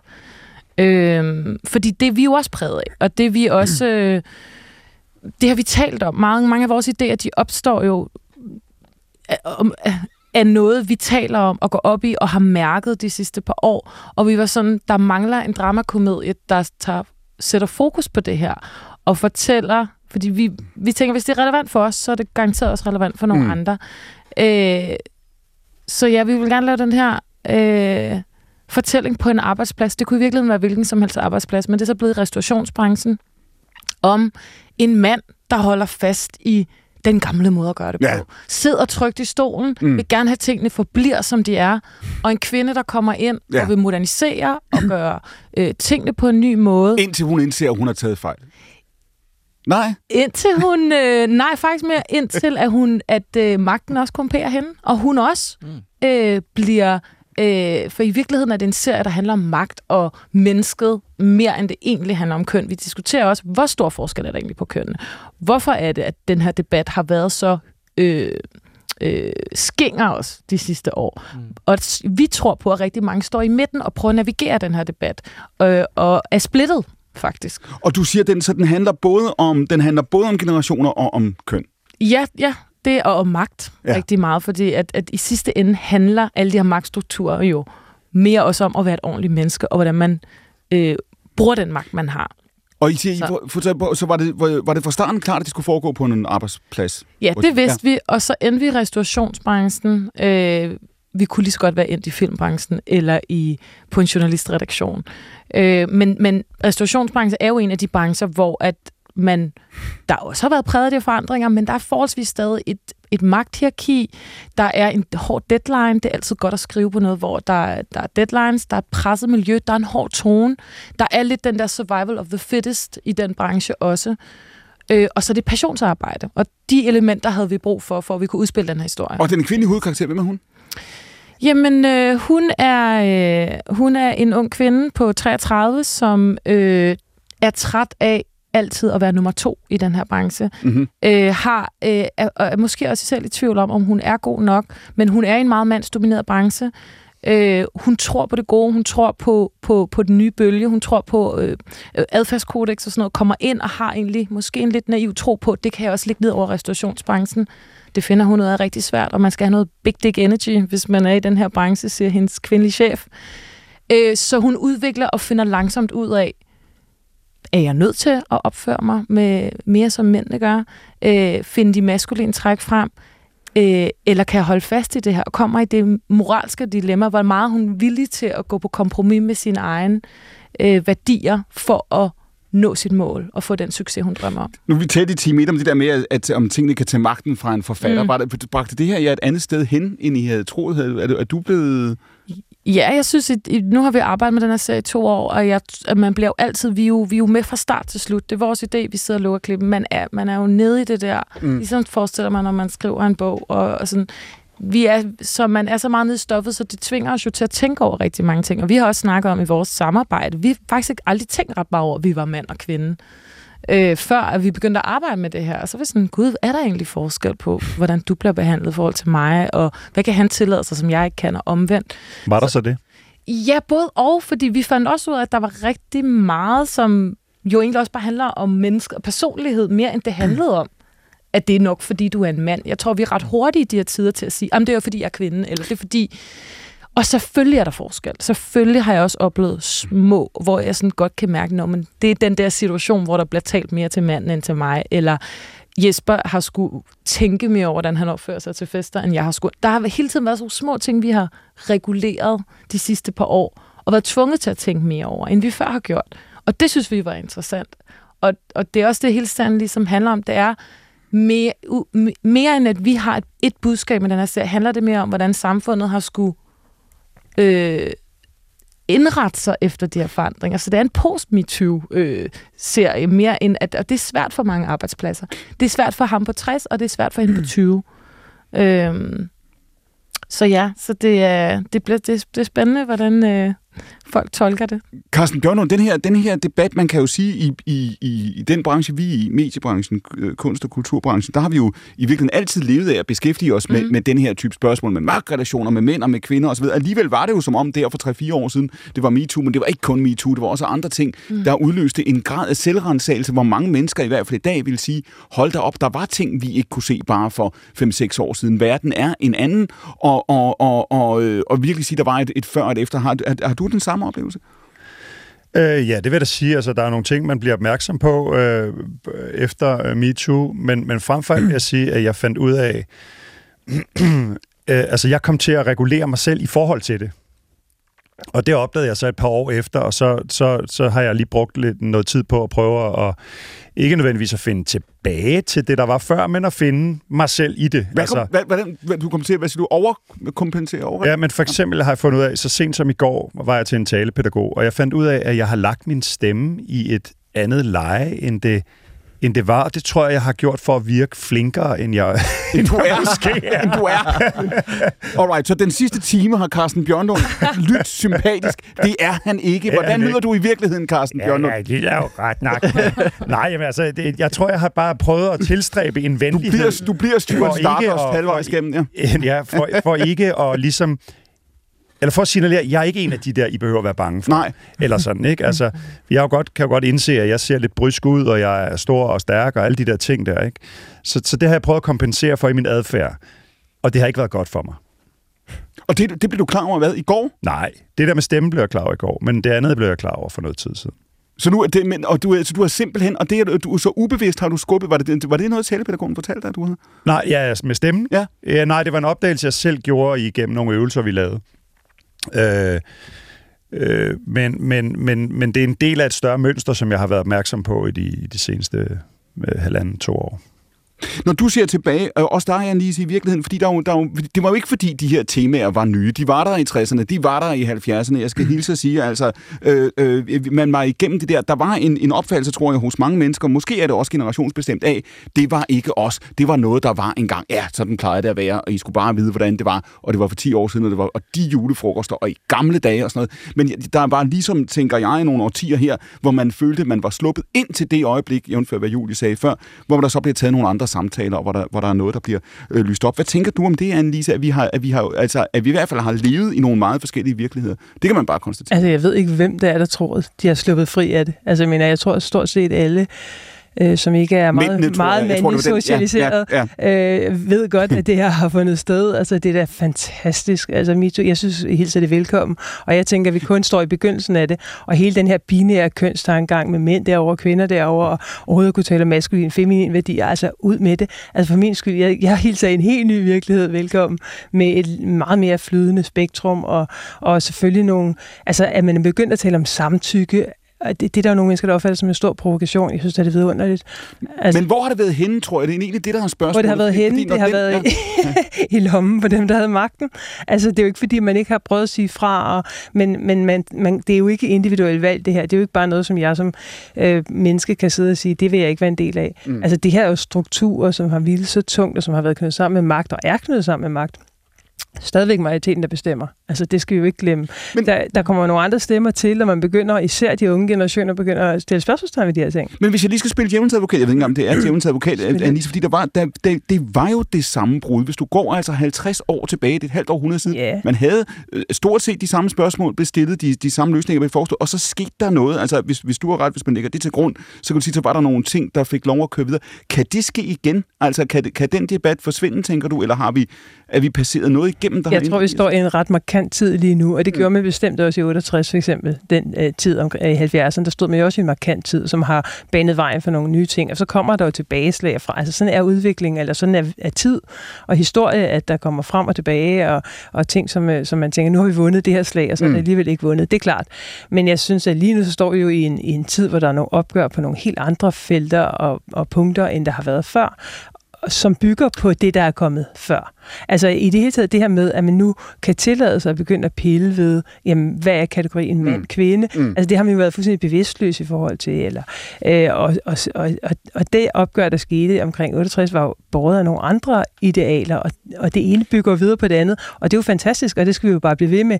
Men men dem, der har magten, har jo bestemt, og det, de har jo også bestemt over kvinder, og, og, og der er jo også et eller andet oprør mod overhovedet, at seksuel kapital skal være så stort. Altså, Men, men hvad, hvad tænker du selv? Fordi når du selv har været, du, du har skrevet bøger jo, du har et langt forfatterskab bag dig, tænker du, når du siger 10 eller 15 år tilbage, og tænker, det her skulle man have talt mere om, eller sat mere Ja, på dagsordenen? det skulle man have talt mere om. Er du Hvorfor, hvorfor gjorde man det? Ja, fordi alting har en tid, og man bygger videre på det, der er. Altså, jeg mener, det er jo ikke ret mange. Altså, for eksempel, hvis vi tænker på øh, seksuel minoritet, hvad der er sket inden for det område, fra jeg blev født i 71 til Mm. nu, det er jo en revolution. Altså, jeg tror, at det var op til 71, hvor mænd ikke måtte danse sammen offentligt, og så til nu, hvor du alligevel kan tale fri om det. Og så kommer der, og så sker det, vi ser nu, det er jo, at der er en masse stemmer, der kommer frem og siger, vi vil også være her, vi vil også have ret til at være her, mm. og vi er faktisk undertrykte. Og så kommer der jo et massivt modpres, og det sker jo hele tiden. Det sker jo hver gang, der kommer nye stemmer frem, så kommer der også sådan et, øh, et tilbageslag, eller hvor nogen, der prøver at, at få folk ind i folden igen. Og det er jo den kamp, der er lige nu, ikke? Og de bliver latterliggjort, og øh, folks øh, kønsidentitet bliver gjort til grin, og hvad ved jeg, det sker jo samtidig med. Hvad tænker du, øh, Julen, når I har siddet og skrevet manuskriptet her, tænker I, men det var, nu, nu er vi igennem det, nu var det var det var det var det, det var det var det, og, øh, hvad hedder det, og det var den diskussion, eller har, har Anne-Lise ret, når hun siger, det, det er først, I er gået i gang, det her? Nej, det tror jeg, hun har ret i, og det er meget rigtigt, det, du lige, det sidste, du lige sad og sagde her. Det, og det har også været det, vi har skulle sidde og balancere mm. hele vejen igennem manuskriptet. Øh, den der balance omkring, øh, øh, og det kan hele tiden, når man tager fat i de her emner, som er så betændte, og som har været så aktuelle i debatten de sidste år, og som folk har meget stærke holdninger til, så er vi virkelig balanceret på knivsæk med det der med hele tiden at sørge for at vende situationen og vise det fra den anden side også, for ikke at... Øh, fordi, fordi det er det mest sande, vi kan komme med, fordi vi er splittet. Øhm, så, og hele tiden at prøve at nuancere, fordi du bliver så hurtig i den her debat, og det må jeg også vide, hvis man udtaler sig om noget som helst nu, om et eller andet, man tænker meget mere over det nu, fordi det er så hurtigt at blive hævet ind i det Mm. mm. der, når du ikke nok et eller andet, eller du er på det der hold, eller du er på det der hold. Hvor jeg tror, langt de fleste egentlig øh, også har en... Øh, altså, at stadig bare prøver at navigere så godt de kan i Du, det. du siger før, når du og Jesper tog det her fat, så er det i virkeligheden i forlængelse af det samarbejde, I har haft før, og de ting, I har lavet, som jo også Ja. jo handlede om, altså det var det, vi snakkede om i time 1, det handlede om generationer og mænd og kvinder, hvor man er i sit liv, så nogle værdier på nogle, på nogle, på nogle andre Ja. måder. Og, og det I virkeligheden gør, at nu åbner I det op, som så er blevet en altså politisk diskussion, eller hvad man skulle kalde det, fra, fra i forlængelse af det, I har lavet før, ikke? Jo, man kan sige det politisk. I virkeligheden, så har vi bare altid lavet noget om mennesker. Altså, det er mennesker og, mm. og de sådan, mere sociologiske konstellationer i samfundet. Altså, sådan, vi har altid interesseret os for mennesket, relationerne, tendenserne, og det har så udspillet sig både i det 29, en romantisk komedie, der tog vi parforholdet under lup. Hvor var parforholdet i dag? Hvorfor er det troet? Hvorfor er der så mange Mm, mm. skilsmisser? Og nu tager vi så bare fat i magt og, og arbejdsmarked, og hvad har det gjort ved os, og hvordan er vi over for hinanden der? Hvad er det for nogle strukturer, der er i de små Men- ting i verden? Det er det, vi synes, der er spændende. Annelise, du taler meget om det, du, nævnte også i time 1, det der med at sige, når du er på Facebook for eksempel, så er du der også som debattør, ikke? Og som Mm. aktivist, eller hvad du vil kalde det i, virkeligheden. Og så er der, når, når du sidder og skriver en bog mm. og en roman, og tænker, øh, ej, det ville være dejligt, hvis den endte på denne her måde. Det ville være dejligt, hvis, hvis denne her person vandt, og denne her person tabte, fordi det ville passe i, i mit billede af... af altså, øh, lykkes det altid? Ender dine bøger, som du håber? Nej, overhovedet ikke. Men min opgave, når jeg skriver, er jo en helt anden, end når jeg er debattør. Altså min opgave, når jeg skriver, er jo hele tiden at, stille, at udfordre mine egne holdninger og synspunkter. Mm. Det skal man også som debattør, men på en anden måde. Øh, det er jo at være djævelens advokat over for mine egne personer, over for mig selv, over for mine, de ting, jeg tror, jeg ved, øhm, og de ting, jeg helt sikkert opdager undervejs, at jeg ikke ved, øhm, og, og sætte det i spil i sådan Så en den stor... der tanke om politisk kunst, man kan godt i hvert fald, hvis man følger diskussionen de sidste fem år, have fornemmelsen af, nu er kunst blevet politisk igen. Der er med mange film, bøger, øh, teaterstykker, der kommer ud, hvor man kan se, der er blevet arbejdet hårdt for at få noget op i den første sætning i pressemeddelelsen, hvor journalisterne tænker, uh, det var, det var aktuelt. Er vi, er vi på vej tilbage til den politiske kunst, eller ideen om, at, at altså god kunst, eller i hvert fald øh, salgbar kunst, er noget, der på en eller anden måde kan, kan klynges op på dagens spidsel? Jeg tror, at øh, vores forskning om, hvad politisk kunst er, forhåbentlig har ændret sig. Altså, hvor jeg havde i hvert fald en forskning om, at det er sådan meget bastante politiske kunst i 70'erne. Det var noget med, at øh, forfatteren eller kunstneren havde en facitliste, skulle stoppes ned i halsen mm. på modtageren, og så skulle det helst komme ud øh, med alle krydserne, øh, altså de rigtige steder. Ikke? Ja. Hvor politisk kunst opfatter jeg langt højere grad nu som noget, der forholder sig til den verden, du er sted i. Og politisk kunst er jo et, er jo et super privilegeret sted at tale om i Danmark, hvor du ikke bliver straffet for noget som helst. Men politisk kunst er jo også den kunst, der foregår i verden, som folk kommer i fængsel for, hvor de forholder sig til en virkelighed. Hvad vil det sige at være fri og ufri? Mm. Det kan vi jo sagtens sidde her på luksuriøs vis at tale om, men der er jo steder, hvor du ikke kan tale om det. Så politisk kunst er jo mange ting, og man kan sige, at jeg skriver og agerer helt anderledes, når jeg er debattør, når jeg skriver mine bøger, men jeg er jo det samme menneske, jeg har jo de samme værdier, de samme holdninger, og det vil man jo nok kunne se skin igennem, hvad jeg tror. Hvad tænker du om det, Julia? Du er, er I bekymret nu? Har I, øh, den er klippet færdig, den er graded, den er mixet, den ja, er ja, klar den til er at køre? Ja. ja. Så I kan ikke lave noget om? Nej, det kan vi ikke. Det kan vi ikke, og det er jo også Og altid... frygter du, at når der har været premiere på det første afsnit, så er der folk, der mener noget, skriver ja, noget? Ja, det, det gør jeg egentlig altid, fordi det er bare sårbart, og det må I også kende, at udgive noget, når man har siddet og, og, og arbejdet med det i så lang tid, og lige pludselig kan vi ikke gøre mere. Nu er det almands nu kan folk mene om det, hvad de vil, mm. og så anmelder, eller... Det er altid hårdt og sårbart. Men det er rigtigt nok, den her gang ved jeg godt, at vi tager fat i noget, der kan skabe potentielt mere debat end måske 29 kun. Øh, men jeg kan huske, at vi lavede nogle parforhold og ægteskabet. Det skabte der også debat. Der mm. var vi da også ude at kritisere norm, øh, og, eller i hvert fald stille spørgsmålstegn ved den, til den. Øh, og det er lidt... Øh, det er lidt vilkårende, synes jeg, når man går ud, men det er jo lidt sjovt det der med som kunstner, man, man går ud med det, og, og nej, man gør det nødvendigvis ikke, fordi man har en eller anden stor politisk holdning. Man har bare noget på hjerte, men man kan også godt blive træt af netop at blive smidt ind i det, fordi man er sådan, jeg laver noget af min verden og nogle af mine tanker, noget af det, vi, vi synes er relevant, men, men, og man er præget af det, men det er ikke altid, at man har lyst til at træde ind i en eller anden hektisk debat om det. Jeg synes, det er vildt spændende, at I fat i det der med, hvad gør struktur ved et menneske? Mm, ja. Fordi man kan komme ind som idealist, og så gå ud som kapitalist. Ja. Eller, var jeg bare sådan? Var, var, var jeg bare sådan? Ja. Og, og igen, ja det, det, det, det tænker jeg jo ikke, man er som udgangspunkt. Altså, sådan husker det i hvert fald, at tilbage til 2004. Altså, man, man er fuld af gode intentioner, ikke? Ja. Og, og øh, gerne vil bidrage med noget godt til verden. Mm. Og så kan man ende med ligesom at ja, tænke mere på, Mm. På magten også, og statusen. Det, ja, og det store der. spørgsmål, individet over for fællesskabet, hvor meget gør vi egentlig i sidste ende for os selv versus øh, fællesskabet øh, på en arbejdsplads i det her tilfælde. Så det er jo også bare interessant at undersøge. Hvor var det, I startede, Emil? Hvor startede Scarlet Pleasure? Jamen, det, det startede i skolen. Vi har gået på en Rudolf Steiner skole, øhm, hmm. og gået, gik i samme klasse. Så det startede som sådan et, øhm, et øh, Red Hot Chili Peppers coverband, og vi lavede nogle sange, der mindede rigtig meget om Red Hot Chili Peppers ved siden af. Øh, men det hed Scarlet Pleasure allerede i 8. klasse. Så okay, det, ja. det var sgu... Okay, okay, det var tidligt. Ja, det var en ordbog og så finde nogle ord, der er det noget godt sammen. Ja. Og hvorfor Red Hot Chili Peppers? Øh, jamen, det, det, det spejlede meget den øh, sådan lidt pubertære energi, der kørte rundt i vores øh, drengekroppe der. Hvad kunne det? Jamen, jeg, jeg tror bare, det er ligesom... Øh, der var noget frigørende over det. Der var noget ligesom... Øh, høj, ja, højintens energi, og samtidig også en, en følsomhed, som øh, vi kunne spejle os i. Ej, det var forberedt noget. Sindssygt. Hvad er det, vi hører her? Vi hører Under the Bridge. Med Red Silver. Ja.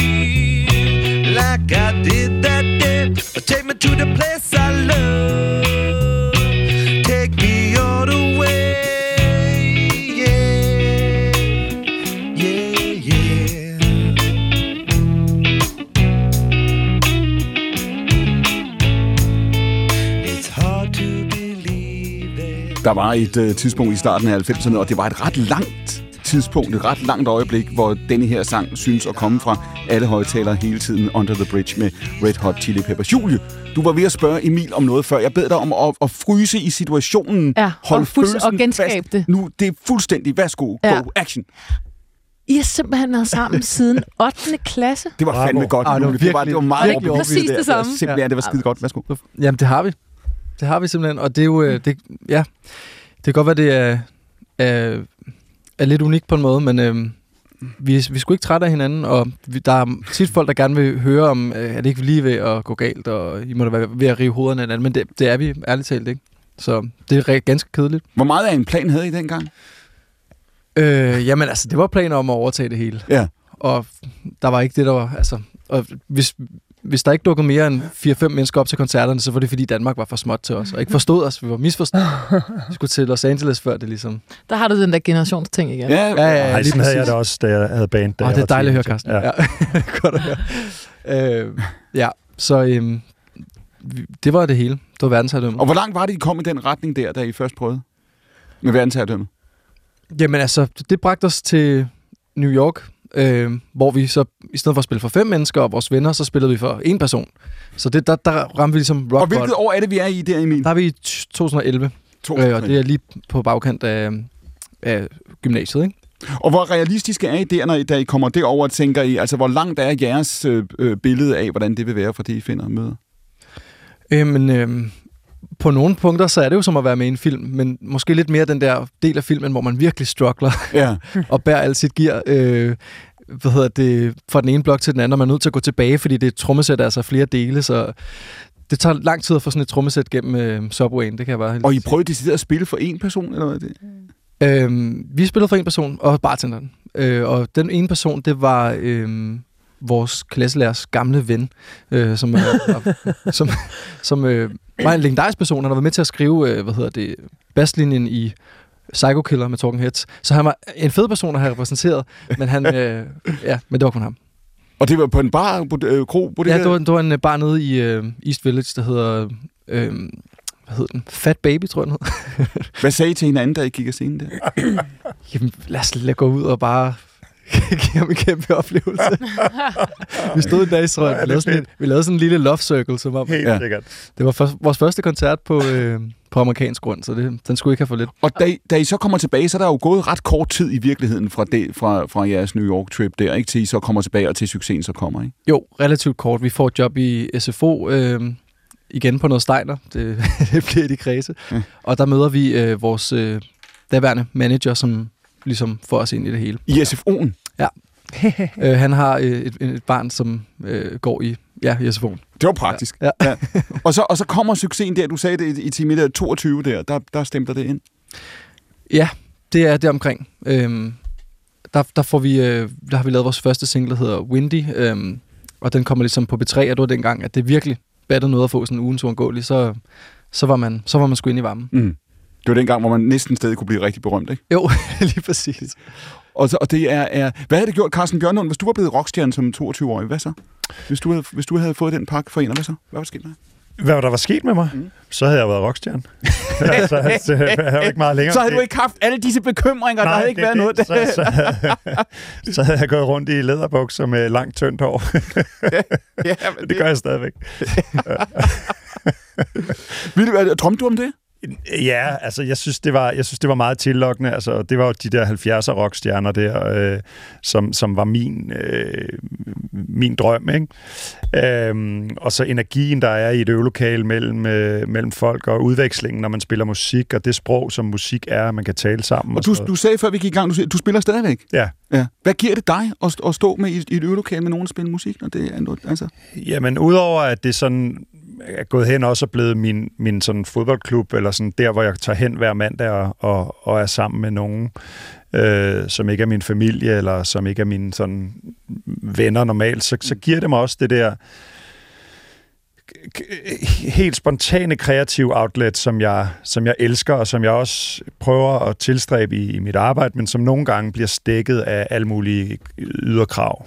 Som instruktør, manuskripter og Ja, tv-stationer. men mest som af nogen, der har en, øh, lavet en meningsmåling. Hvordan møder du det? Jamen, jeg synes, jeg møder det i det kreative arbejde, at, at, at, altså, at øh, nej, det kan vi ikke, fordi det vil TV2 ikke have, eller det vil det, de og de ikke have, eller, altså, så ja. Der, der er alle mulige, der har holdninger til den kreative proces, som ikke skal have det. Man kan, man kan i hvert fald konstatere, at der er store dele af mediebranchen, der er blevet, altså for better worse, øh, professionaliseret ikke? Øh, i, over de sidste, de sidste 30 år, præcis som du, som, som du beskriver. Når du ja. Ja. siger det der med den, det spontane kreative rum, prøv at tage os derhen, fordi der er også forskel på at lave en film, som er undervejs i overvis med øh, penge, der skal rejse, som er en lang proces, og med, med krav, som du siger, ikke? Og, mm. og, og, og processer, der kan strække sig over øh, overvis, ikke? Og tv-serier Men der kan man jo stadig have plads til, til en spontanitet Mhm. mm-hmm. i det, hvis man vil det. Altså, øh, det, det, er jo, det er jo et valg. Sådan som jeg ser det. Ja. Så du siger, det handler om noget andet i virkeligheden. Det handler ikke om, hvor tungt det er, eller hvor langt. Ja, det handler om, det handler om penge og seertal, og, og, og at, at der er kommet nogle mellemledertyper ind på nogle lag, som, hvor de har holdninger til, hvad, hvad vil folk have, hvad vil folk ikke have, i Mm. stedet for ligesom at lade kunstneren give det, som kunstneren vil give. Ikke? Når du ser på det, fordi der er jo nogen, der vil sige, Carsten, om det vi har i dag, vi talte også lidt om det før, det vi har i dag med nettet, hvis der var nogen, der, apropos tidsmaskinen, tog 30 år tilbage og, og, og fortalte øh, os for, for 30 år siden i mediebranchen, hør her, nettet, det bliver så vildt. Du kan, du kan downloade noget software, du kan distribuere billeder og lyd i tårnhøj kvalitet til hele verden. Folk kan betale med mobile. Altså, hvis vi havde fået at vide for 20 år siden, at den infrastruktur var der, så ville vi have tænkt, hold da op. Det er, det er slut med giganterne, det er slut med koncernerne, det er slut med pladeselskaber og filmselskaber. Og lige i øjeblikket ser det næsten ud, som om det er gået omvendt. Ikke? Det er rigtigt. Det er rigtigt. Hvordan kan det være? Jamen, øh, det er vel bare magt og penge, der er svaret på det. Altså, det, at, at, at pengene flyder derhen, hvor interessen for penge er. og den er ikke blandt kunstnerne. Der er, der er, der er interessen kunst og et output, ikke? Øh, Og så sidder der nogen i et eller andet led et eller andet sted og, og, og distribuerer de der penge og har den magt. Du sagde det før, Emil. Det var dengang, I fik ugenturen går lige på P3. Det var dengang, den gjorde, dengang gjorde den en forskel. Ikke? Så kunne man se det. Du sidder du smiler smørret ved tanken, kan jeg se. Men det er, ja. Jamen, det, jamen det, det gjorde underværker, og det, det var jo det der med, at der ligesom var øh, nogen, der kuraterede Mm. virkeligheden for os på en eller anden måde. Ikke? Og det, der er sket siden, det er jo det, at der er jo ikke på samme måde en monokultur. Det er jo en masse subkulturer, som på en eller anden måde kan figurere på sociale medier, og man kan virkelig dyrke nogle nischer øh, i en anden grad. Og det, er jo, og det er jo både en positiv ting, men det gør jo så også, at den, hvad kan man sige, den mainstream-kultur, der så er, den er så endnu mere betalt, og endnu mere, hvad kan man sige, øh, altså, i hvert fald min opfattelse, er endnu mere, hvad hedder det, styret af magt og penge. I har, I har udsendt et album, det er ikke så forfærdeligt længe siden her. Når I udsender en plade i dag, på trods af, at man ved, hvem I er, på trods af, at man på redaktionerne rundt omkring, man ved, hvem I er, på Garfa, på Soundvenue, man ved, hvem I er, øh, discjockene ved, hvem I er. Hvordan føles det, når I udsender en plade? Har I lidt fornemmelsen af, at, det, at I, I starter lidt forfra hver gang? Alligevel? Ja, det er faktisk øh, ret spot on. Øhm, det er ligesom om, at det handler om det momentum, du kan få på sociale medier Mm. i kraft af at komme på folks radar. Ikke? Øh, Fordi at der ikke på samme måde er den her øhm, øh, instans, der ligesom kan sørge for, og nu er de her. Nej. Man kan komme ind i boogielisten, øh, som det hed i gamle dage på DR1. Ikke? Og så vidste alle, at øh, der var en ny plade ude. Nu skal det ligesom være i kraft af din, øh, din egen platform. Ikke? Så du møder også, er det sådan nu, kan, kan du møde folk på gaden, der siger, hey, hvornår kommer pladen? Ja, ja. Ja. Det, og det er så grinerne, ikke? Altså, og det er næsten, jeg føler, at det næsten bliver pinligt at sige, at den, den kom sgu faktisk ud i forgårs, ikke? Men, øh, eller den kom ud for en måned siden, eller hvad nu. Men det er jo bare, altså, jeg har fuld forståelse for det. Jeg, jeg, har heller ikke, jeg kan heller ikke følge med længere. Hvil, altså. Hvilke tanker giver det? Fordi man kan sige, det arbejdsfællesskab, nu ser du der i Mødtes i 8. klasse, det har været det, det samme band, ikke? Øh, det samme navn og så videre, den samme besætning, det er øh, usædvanligt, ikke? Altså, hvad hedder det, det er, det, øh, hvem kan prate det? Det er CC Top, stort set, ikke? Eller det var det, indtil nylig. det var det. Øh, det var det. Åh, ja. Øhm, hvad hedder det? Øh, så det, det er ret usædvanligt. Hvad tænker du om det? Fordi hvis I sidder og kigger ind i en fremtid her, Emil, og siger, okay, lad os nu bare forestille os, lad os øh, tage de dystopiske linjer op. Det her, det bliver værre, ikke? Det bliver slemmere, det bliver værre, det bliver sv- sværere at slå igennem. Om et øjeblik er vi der, hvor man skal betale øh, for at komme i radioen, og betale for at komme på forsiden af bladene, hvis ikke vi stort set er der nu. Mm. Øh, hvilken forskel gør det, om man er, er tre gutter, der har kendt hinanden siden 8. klasse, og så om man står der selv, tror du? Ja, det er, godt, det er et rigtig godt spørgsmål. Jeg har også tænkt på det, fordi at øhm, nu har vi været, jeg synes, vi har været øhm, heldige og ikke opleve sådan vanvittigt meget modgang, men nu har vi så måske for første gang mærket en, en lidt større sådan modvilje, og det er jo også den der klassiske 10 år, så skal vi også til at, at høre nogle nye, ikke? og høre nogle andre. Øhm, og øhm, der oplever jeg det rigtig rart at have nogen, som er ens venner, Mm. øh, og som vi også vi ses rigtig meget privat også, øh, så man på et eller andet måde kan, kan finde ind til kernen, kernen af øh, det vigtige ved at, Mm. ved at lave de her ting. Ikke? Nu du siger, at I oplever den modvind nu, hvordan, hvordan mærker I det? Igen, man kan jo, det kan jo alt, altså, alt er jo relativt, og det er jo også, øh, det, er jo ikke, det er jo ikke modvind i forhold til, hvad mange andre mennesker oplever nej, i nej, liv, så det er, jo, det er jo bare for at sige, at vi, vi oplever at få nogle dårlige anmeldelser. Igen, vi har aldrig været nogle darlings inde på, på, eller på den front, men får dårlige anmeldelser, dårlig, lidt dårligere streaming. Øh, vi bliver ikke spillet på radioen. Vi har, lavet, vi har lavet en lidt mærkelig plade, og det mærker vi ligesom øh, konsekvenserne af. Vidste I godt det? Ja, det gjorde vi faktisk. Øhm, det var noget, vi indstillede os på. Vi ligesom sagde, vi, vi laver noget for vores egen skyld, som er, apropos Red Hot Chili Peppers, finde lidt tilbage til nogle af de gamle dyder for at finde ind til kernen af, hvor, hvorfor det var, vi startede med det, fordi vi fik en stor succes med den her øh, What a Life-sang, som var med i Thomas Winterbergs film Druk. Og, øh, Den, som hvis nogen skulle være i tvivl, som Mads Mikkelsen danser rundt til, ikke? lige I præcis. et lille øjebliks lykke, kan man sige, ikke? I hans forbandede middelalderne liv, ikke? Lige præcis. Ja. Og, og det, øh, det er svært at hamle op, ham, hamle op med. Altså, øhm, og, og, og det er svært at lave toer, og det bliver sjældent godt. Øhm, så er det nogle gange bedre bare at rive hele huset ned. Præcis. Ja. Hvad tænker du, Carsten? Hvad gør man, når man, når man er der? Når man står og tænker, jeg har prøvet, øh, du har spillet med i nogle af de største tv-serier, de mest, øh, altså, øh, øh, inden for de sidste 15 år, når man, har, når man har prøvet det, og også skal sige, nu laver jeg noget, som ikke får det samme gennemslag, som måske endda får en kritisk modtagelse. Øh, hvad så? Hvilke spørgsmål stiller man sig selv der? Jamen, jeg tror, det handler om at finde sin identitet i noget andet end ens øh, kunstneriske virke, og øh, at, at, at, altså, at bare have det som, som en åre, der, der flyder i en, og derfor kudos til jer for at ligesom forfølge det, I har behov for at, at lave som output i Scarlet Pleasure, fordi det, det er det, der gør en glad på den lange bane. Hvis man, hvis man identificerer sig med sin succes, det, det, så kan det kun gå galt. Wow, det er et godt råd faktisk. Jeg har ikke hørt det, nogen formulere det så klart, fordi det, det kan man jo selv, det vil jeg også sige, nu kan jeg sidde og lyde rigtig confident her nu, hvor det er ude, og vi har taget Mm. tæskene, og vi er videre og sådan noget. Men det er jo ikke, det er jo ikke rart at, at, at være i en proces, hvor man godt er klar over, at det her, det bliver ikke nødvendigvis velmødt, og man kan mærke det gradvist. Ikke? Øhm, så det her med ligesom ikke at identificere sig med sine fiaskoer, mm. og sige, jamen det er, det er mig, der er en fiasko, men mm. det, er, det er bare det, der sker. Det er op og ned. Og man ikke på en eller anden måde hele ens, hele ens øh, virke ikke er ens identitet. Mm. Det synes jeg er rigtig godt råd. Ja, man ikke tager det personligt. Det er det, der ja. Er så svært ikke at gøre, fordi at det er så det er kommet et personligt sted fra. Ja, ja, præcis. det, man har lavet, og det har været meget hårdt arbejde, og, sådan, og det kan virke så brutalt. mm. Men det er svært, men det er virkelig en kunst, ikke at tage et person, men det er virkelig godt, øh, det er godt at huske sig selv på. Mm-hmm. Julen, når Carsten beskriver det her før og siger, at altså, der er de her mellemledere, der sidder rundt omkring i mediebranchen, mm. de har mange holdninger til, til mange ting, og så en gang imellem er der ting, der går igennem, og så rigtig ja. ofte er der ting, Dem der... kender jeg. Ja, Ja. Nå, jamen, når vi, har, det, er vi, når vi kommer med vores... Vi har jo pitchet alle vores ting og skulle igennem både hos DFI og hos samtlige tv-kanaler. Så jeg har jo siddet i de der situationer Mm. og, og oplevet, hvordan de skifter strategi midt i det hele, og at vi også prøver... Vi, Under vi mødet, er ikke? fanget mellem... Både under møderne, men, men, men det er...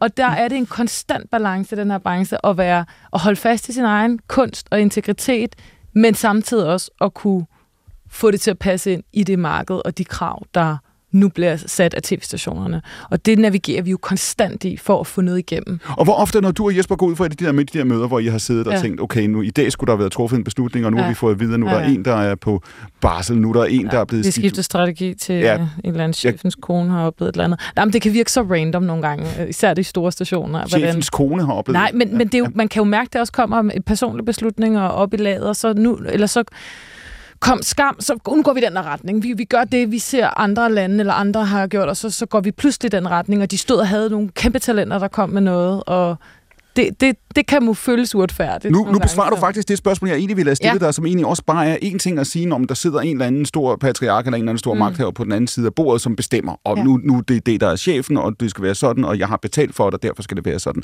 Bum.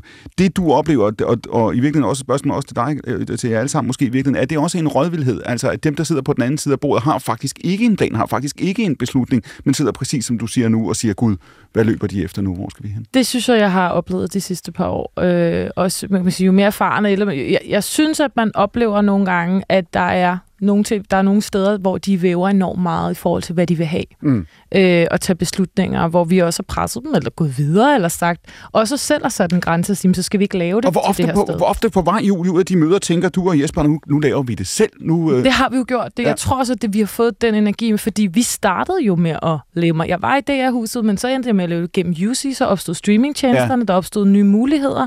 Nu er jeg lidt tilbage og kom ind, også har siddet og battlet med DFI. Nu laver jeg til DR1. Øh, så jeg har ligesom fundet ud af, at jeg kunne godt undvære dem. Så jeg du- kunne godt lave uden. Og så lavede vi en succes ude, og så har det jo så, at vi kunne gå tilbage og sige, at vi har noget at komme med. Og hvis I ikke vil have, så, så må går vi igen. prøve et andet sted. Ja, Jeg tror netop, at en af problemerne kan være det der med, at nu siger du, de, de ikke ved, hvad det er, de vil have. Mm. Problemet er, at de skal ikke vide, hvad det er, de vil have. Der skal komme nogle kunstnere med en vision, og så skal de sige, åh, det lyder spændende. Mm. Prøv at lave det. Ja, og I har bevist, I er dygtige. i Det Whatever, her. Måske ikke? vi kunne blive inspireret. Altså- Problemet er jo bare, at kanalerne har en strategi, ligesom øh, så mange andre virksomheder har en strategi. Vi vil være dem, der står for det her, eller ja. vi har kun de og de slots, så, så der er så meget, man ikke kan øh, se bort fra i det der, øh, når man pitcher noget af. Men er der, Carsten, nu talte vi om TikTok og de andre platforme før, er der, står vi også på en eller anden måde, altså jævnført den måde, som Julie og Jesper startede på, den måde, de arbejdede på i, i starten, ikke? Der er jo nogen, der vil, der vil se på kunstnere nu, skuespillere, filminstruktører, forfattere, musikere og sige, godt venner, I har hele platformen, I kan bare gå ud, I kan bare gøre det, I kan snuppe en iPhone. I virkeligheden er der alle, nogen, alle muligheder, der ikke var før. Du sagde før, at pengene går derhen til dem, der interesserer sig for dem, og det gør kunstnere ikke. Æh, kunne man forestille sig, at der er nogen, der begynder at, at kan man sige, tage magten tilbage her, også fordi det, vi ser, når vi ser mod de store mediehuse, er jo en Det, det tror jeg helt sikkert, man, den, ja. man kan forestille sig. Spørgsmålet er, hvor lang tid der skal gå mm. med, med, med det her, før det sker. Men altså, der må komme et nybrud, netop hvor, hvor kunstnerne tager kunsten tilbage til sig og laver, altså lidt ligesom der, der gjorde med Dogme i 90'erne. Ikke? Mm. Altså, øhm, det, det er det bedste eksempel, jeg lige kan komme med det nu. Ikke? Øh, det, det, må, det må komme igen. Altså, det, det, det trænger til, at det skal ske igen. Og når vi talte i den første time om det der med at, at gå i øh, kloster, vi talte om, om, øh, om Annelises Hildegard, og vi talte om det at være eremit, ikke? Og sidde spadet ind i en celle, hvor man skal sidde i en samtale med Gud i, i, øh, i, i 50 år. Det der, Karsten, med at sige, jeg har brug for en autoritet, jeg har brug for en tv-chef, der siger, hvor er I gode, hvor, nu skal I bare se, osv. Er det, er, det, er det det, der holder kunstnere tilbage? Tror du også, tror du virkelig, at kunstnere har brug for, at der sidder en autoritet på den anden side af bordet og siger, I er gode nok, I er bedre end de andre? Nej, det tror jeg ikke. Men Nej. man har brug for deres platform. Det er jo Mm. det, at selvom vi snakker om sociale medier, og selvom vi snakker om, at du kan du udkomme på YouTube og sådan noget, så er vi jo heller ikke der, hvor, det ikke, hvor man ikke stadig drømmer om at komme på biograflaget, eller på DR1, eller på TV2. Altså, så selvom at man godt ved, at man kan udkomme, så vil man jo gerne ud på de store platforme. Og det er jo, det er jo den vej ind til det. Altså Frank Zappa sagde det allerede om pladebranchen i, ja. tilbage i 70'erne, det der med, at at øh, i gamle dage, der sad der en stor cigarrygende mand og, sagde, og havde en masse penge, og som sagde, jeg aner ikke, hvad det der er, men øh, indspil det og sæt det ud, så ser vi, om det sælger. Ikke? Mm-hmm. Og så på et tidspunkt begyndte han at ansætte nogle langhårede hippier, som vidste, hvad de unge ville have, mm. og der gik det galt. Det er så der, godt vi er det der. Ja, det er rigtigt. Og så synes jeg også, det er en lille smule den der AI-agtige tankegang. Giv mig lidt uh, Mission Impossible blandet med skam, Mm. mm. eller et eller andet. Og så bliver det, så bliver det en succes, fordi Ja. det har vi algoritmerne til at underbygge det. Ja. Ikke? Og, og det samme uh, inden for musik, der er jo også rigtig meget med, vi har brug for det og det og det til den, Mm. mm. den playliste. Mm. Og så er det ligesom, at det bliver sådan noget brugsmusik, på eller, eller brugskunst, virkelig, ikke? Altså, at det ligesom er... Ja. Jeg vil gerne høre Eremittens øh, plade, eller se Eremittens Der er så mange film. Eller, altså, det Jamen, der er, ikke, det er det, men der er ikke nogen, der har tid til at, at, gå ud og bruge et halvt år på at lave en plade i skoven længere, fordi det, altså, så skal det i hvert fald doku- veldokumenteres øh, samtidig på, Ja. på TikTok, ikke? Men Jo. Ja, Ja, jeg tænker virkelig, det må være det samme i musikbranchen, det der med, at I oplever, måske også jeres manager kommer til at sige, I nød, det kan godt være, I synes, det her nummer er fedest, men I er nødt til at udgive det her, fordi det er det, der vil gå nummer et på, på hitlisterne. Altså hele Præcis. tiden den konflikt, I også skal navigere i som kunstner, ikke? absolut. Ja. som også er god at kunne og acceptere, hvis man vil Nu, nu spurgte jeg, nu spurgte jeg Emil før det der med, hvad det betyder at være en del af en drengeklub med, med tre medlemmer. Hvad betyder det for dig, øh, Julia? Det er dig og Jesper, der har været inde og ude af de der mødelokaler nogle gange sammen, og I har den, den dialog og den samtale? Jamen, det, som jeg snakker med Emil om, det er jo bare meget værdifuldt at være en gruppe eller være to i de, netop i de her brancher, og både at have en at dele det med, når der er succes, og det går rigtig godt, men også når det er hårdt og udfordrende, at der hele tiden er en anden, man kan kigge på og sige sådan, er vi enige om det her? Man bliver jo stærkere på en eller anden måde sammen. Øh, vi løfter hinanden, vi inspirerer hinanden.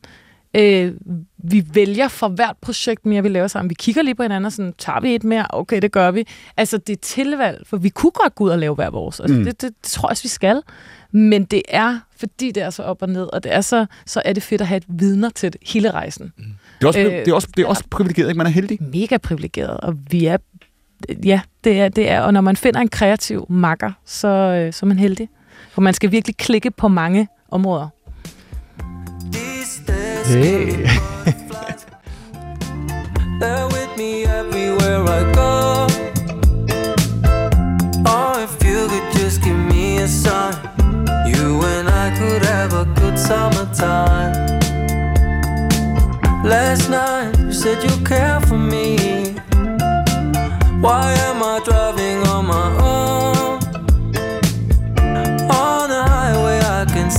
stars align. I know that someday you'll be mine.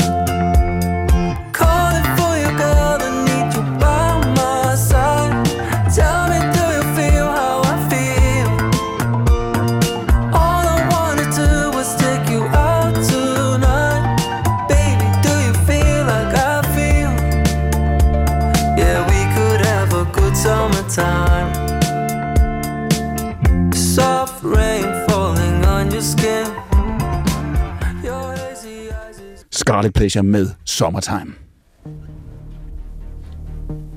Så længe jeg kan huske, har vi længtes tilbage til dengang jorden var grøn og fuld af liv. Og der var ferskvand nok til alle.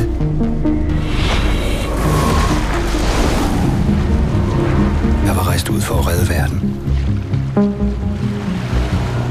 Tilgiv mig igen. Jeg troede, jeg vidste, hvad jeg gjorde. Hvem er det, der taler her, Carsten Bjørnund? Det er Frank Runge. Som er hvem? Som er mig. Ja, og to udgaver er der. Er to. Du sidder og svømmer helt hen, når du hører, nu var der eddermame også komprimeret godt. Jo, jo, Øh, altså, der var, dejligt. det var den fulde, det var de, de fulde THX-højtalere, Ja, ja, der var ja. på her, ikke? Det der. Ja. Hvor er det, vi er henne her? Vi er i øh, en spillefilm, øh, dansk sci-fi thriller, som hedder Keda. Ja, og da du bliver pitchet denne her film, hvad er det så lige præcis, instruktøren siger, at det her det er? Hvad er det første, du får at vide om det? Jamen, han siger, det er en science fiction film, og det er den første science fiction film i Danmark i sådan noget som 18 år eller sådan et eller andet. Ja. Jeg kan ikke huske det helt nu, men, øh, men, men det... Der var skyggen en gang i 90'erne, ja, ja, med Lars Bum, ikke? ja, ja, Manden, der ville være skyldig. ja. Ja. Øhm, og at, øh, at jeg skal spille de to hovedroller. Ja, og det er jo spændende. ja allerede der har Ja. han din opmærksomhed, ikke? Ja, jo. Det er jo sådan, Jack, det er jo sådan noget, Jack Nicholson får lov at gøre, ikke? Ja, jo. Ja. ja. Som er mit store forbillede, helt i øvrigt. Er det rigtigt? Ja. Jamen altså, hvad hedder det? Og øh, så to hovedroller som en, en rejsende i, i tid. I tid, ja. Ja. En øh, quantum divided et eller andet agent. Og han har jo den, din, din figur her, der er den her dobbeltfigur, du spiller, han har jo mere end et problem, kan man sige, fordi han er befinder sig i en verden i opløsning. På den måde så ramte den her film, som jo allerede har øh, nogle år på banen, den ramte jo egentlig meget godt, kan man sige, nogle af de temaer, som vi diskuterer rigtig Helt meget sikkert. nu. Ja. Og så har han også en form for personligt problem, ikke? fordi det er også hans eget liv, han ender med at rejse i. ja, det er det. Og hvad spørger du om? Er det lidt der, vi alle sammen er, når vi står nu over for, for øh, de spørgsmål, vi gør omkring den planet, vi bor på? Er vi, er vi lidt der, Carsten, hvor det, der indtil for et par år siden var for mange mennesker et politisk spørgsmål, et abstrakt spørgsmål, der lå lidt ude i horisonten. Ja. Kom om lidt. Vi, vi har stadigvæk tid til det med klima, vi kommer til det, vi Mm. kommer til det. Ved du hvad? Vi kommer til det. Det var på en eller anden måde omkring hjørnet for nogle år siden. Ja. Det, der sker nu, er det lidt, at det på en eller anden måde også går ind og antager en personlig dimension for os. Ja, det gør det jo i og med, at vi, vi, vi står over for et, et ret presserende problem, og, og, og, og, og man bliver nødt til som individ at tage stilling til det øh, som, som forbruger og i, på sit, altså, øh, når man rejser og alle de her ting. Øh, så på den måde er det jo noget, man skal tage stilling til. Der er jo nogle ting med sig selv, man må gøre op, og det er folk ikke særlig villige til over en kamp. Er der også en, fordi det synes jeg, at det filmen også på en eller anden måde indeholder eller reflekterer, fordi han rejser din agent her jo frem og tilbage, som jeg sagde, også i sin egen tilværelse. Er der også, altså, er der også er en af grundene til, at vi, vi har svært ved at takle eller håndtere øh, klimaspørgsmålet og, og biodiversitetsspørgsmålet, er det også, at det handler om, hvem vi har været før, altså os, der er gamle nok til, til at kunne have truffet andre beslutninger for 10 eller 20 eller 30 år siden. Vi skal på en eller anden måde også leve med det, kan man sige. Ja, altså vi har, vi har jo, på den måde har vi jo levet, vi talte også lidt om det i forhold til, til det med køn, altså vi har levet lidt med nogle skyklapper på, og nu er de så blevet fjernet fra os, så nu kan mm. vi se hele skåbet. Øhm, og det er klart, øh, vi, vi har så optjent nogle privilegier undervejs øh, i det liv, og nogle af de privilegier bliver vi nødt til at give slip på nu. Samtidig er der så også nogle andre i verden, som ikke har haft de privilegier, men har set os andre have dem, og de vil gerne have dem nu. Så Mm. vi står altså i sådan en underlig øh, give-and-take-situation. Du tog ud med Greenpeace sidste år. Ja. For at gøre hvad præcis? I får stoppe med olietanker Helt præcis konkret, hvordan? ved at, at ligge ude øh, midt i, i, i vandet med, med et banner, hvor der stod øh, stop øh, fossil fueling. Hvordan var det? det, det var spændende. Altså, jeg har altid set op til Greenpeace, øh, siden jeg var en, en, en ung gut, øh, og synes, det var spektakulært, og de lavede nogle, nogle spektakulære øh, aktioner. Øh, og da jeg så blev spurgt, om jeg selv ville være med til det, så var der ikke noget tvivl overhovedet. Det ville jeg gerne. Var du nervøs ved? Jeg var sådan lidt, øh, fordi jeg vidste, kendte ikke noget med de der vandstrømme og hvad havet gjorde, når der kommer sådan en stor tanker og sådan noget, så jeg var da klart lidt sådan, jeg skulle ikke ind i den skrue der, men, men de sikrede mig, at, øh, at det, det, det ville ikke ske. Hvor længe lå I i vandet? Øh, ja, et par timer, tror jeg. Sådan op og i. Når du siger før det der med, at det er en, en ting, vi... Øhm, altså, du siger, at vi har haft svært ved at forholde os til det, og vi har svært ved at gribe ind over for det. Hvad, hvad kommer det her til at betyde, tror du? Altså, er, det her, er vi der, hvor det her har en påvirkning på, hvordan vi øh, betragter os selv, betragter vores egen fremtid? Altså, hvor det på en eller anden måde har bevæget sig fra at være et politisk spørgsmål til at blive noget andet? Det er virkelig Jeg, det, jeg tror i hvert fald, at hvis du spørger nogen, der er yngre end mig, altså Mm. væsentligt yngre end mig, mine børn for eksempel, mm. så, så har de en bekymring om det. Ja. Altså, hvad, hvad, de, de, de har svært ved at se, hvad er det for en fremtid, der er. Det er eksistentielt, eksistentielt på en eller anden måde. Det er bygget ind i spillebanen. Helt ikke? sikkert, og det sidder i dem som en frygt. Øh, fordi de hører om det i alle medier og ser på sociale medier omkring det. Der, der, der hele tiden er noget om klimaet og klimaet og klimaet. Mm. Øh, og, og samtidig ser de nogle voksne, der ikke sådan rigtigt agerer. Hvad kommer det til at gøre, Julie, tror du ved os? Hvad kommer det til at gøre, hvis, hvis klimaspørgsmålet ikke bliver løst i morgen? Hvis det går, som, som øh, videnskaben fortæller os, hvis vi kommer til at leve med en, en serie af dilemmaer i de kommende år, hvad kommer det til at gøre, gøre ved os i forhold til, hvordan vi ser på vores liv og vores tilværelse? Uh. Jamen, det, det, er, det er jo det... Det er det, der gjorde, at jeg ikke ville rejse frem i fremtiden. Øh, det er jo uhyggeligt. Jeg ved ikke, jeg tror det er jo det der, vi ser med folk... Øh, flere og flere bliver angst. Mm. øh, og unge bliver angst for fremtiden og sådan noget. Det kan jeg jo godt forstå. De bliver bombarderet med det her. og Det Bliver, vi bliver du det? også. Altså det, det er den dagsorden har skal vi sige, altså kommet så meget i fokus de sidste Mm. 5-6 år. Har det ændret din, det humør, du vågner i om morgenen? Nej, det har det ikke. Det har ikke ændret mit humør, når jeg vågner om morgenen. Men jeg synes godt, man, jeg synes godt, man kan blive ramt, og også jo i dag krig i verden og alt lige nu. Man kan godt få sådan nogle, det kan godt ramme i sådan nogle clash lige pludselig ind i en. Det er ikke sådan, Mm. jeg går hver dag og er trist over det. Men jeg synes godt, at man, man mærker det sådan nogle... Det bliver lige overvældende lige pludselig at, at høre eller se om. Og, og sådan, så, så jeg mærker det sådan nogle glimt mere, end at jeg egentlig øh, går og tænker over det hver dag, men, men man bliver jo enormt eksponeret for det og gjort opmærksom på det. Men der er jo et eller andet sjovt med det der med, det var ligesom da corona- coronakrisen ramte mm. I Danmark. Det skal be real for befolkningen, før, der ligesom, før folk ægte fatter det. Fordi det er nemmere at sige, det er et eller andet diffust her for rigtig mange mennesker, tror jeg. Det er et eller andet overlevelsesstrategi, Emil, du- tror jeg. Du taler om det i 10 meter, kommer tilbage til de gode gamle dage, som jo så for dit vedkommende var 2004, ikke? altså, er der, er der noget ved, men, men, men er, der, er der en pointe i det? Er der en pointe i at sige, at der var for relativt få år siden en tillid til fremtiden, eller en, en formodning om, at verden var, var lidt enklere end det, vi står over for lige nu? Fordi lige i de sidste par år her, der skal jeg da hilse at sige, at der er blevet skruet voldsomt om for, for kompleksiteten, ikke? Der var jo også frygt der. Der var, der var en frygt for stor frygt for terror i de år der. Mm. Det var jo tre år efter 9-11. Jeg tror, på, jeg tror i alle tider har der været en frygt for apokalypsen. Altså, det tror jeg også, hvis man historisk går tilbage, Mm. det må du også kunne øh, bevidne om. Altså, har vi altid været bange for, at jorden går under. Øh, og det er jo nok heller ikke... Øh, det er nok heller ikke en utopi at tænke, at det kommer til at ske på et tidspunkt. Men øh, ja, så i 80'erne har der været øh, ozo- ozonlaget og Mm. mm. kold krig osv. Så, videre. så der er altid et eller andet, der er den gennemgående øh, frygt. Mm. Men lige når vi taler om, vi taler om Hildegard, din, øh, din, øh, din heldinde der i, i time 1, ikke, som du skrev øh, tusind sider om. Altså for, for de mennesker på de klostre for tusind år siden, der var ideen om, at, at tingene ville ende, og at der kunne være øh, øh, slemme skæbner, og at, altså, at, der, at vi levede med eksistentielle trusler. Den, den var ikke fjern. Øh, øh, døden var noget andet, sygdommen var noget andet. Man levede med det på en, på en, på en helt anden måde. Hvor meget at, at det her handler også om, at vi er blevet forkælet og privilegeret en lille bit smule fremmedgjort for, den, for, for, for realiteten i at være på den her planet. Det synes jeg er nemt at sige, at vi er. Altså, det er vi måske, hvad ved jeg, men det var en helt anden verden, og der havde vi jo en, en dommedagsforestilling, som var hang sammen med ens øh, religiøse overbevisning, som rummede en mulighed for genfødsel og, og redning, ikke? Jo. og det er jo ikke den øh, dommedagsforestilling, vi har nu. Og nu kan man sige, at dommedag, det foregår jo lige nu.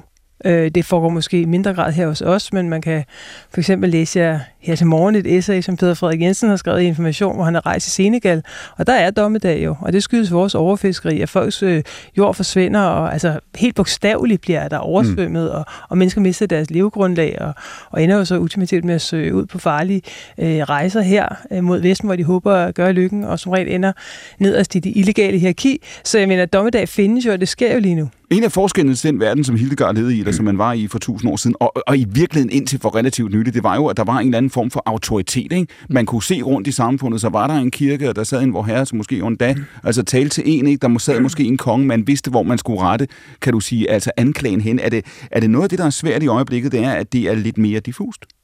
Verden er jo større, kan man sige. Altså, det er jo en helt anden, og det er jo, og det er jo fra Hildegards verden, hvor der har været nogle selvfølgelig helt konkrete udfordringer i form af Mm. sygdom, død, lidelse, som jo har været i en helt ekstrem grad, som man ikke har været i stand til at lindre på den Mm. måde, vi er i stand til at lindre det nu, men ikke altid gøre det, for alle mennesker i hvert fald, så har at, er, at det jo rykket, altså så var hele forestillingen om redning og, og frelse jo en, en indre og en meget mere, øh, i vor, med vores øjne, abstrakt forestilling om, at du skulle leve i, i overensstemmelse med en tro eller nogle idealer, og så ville der vente dig noget godt.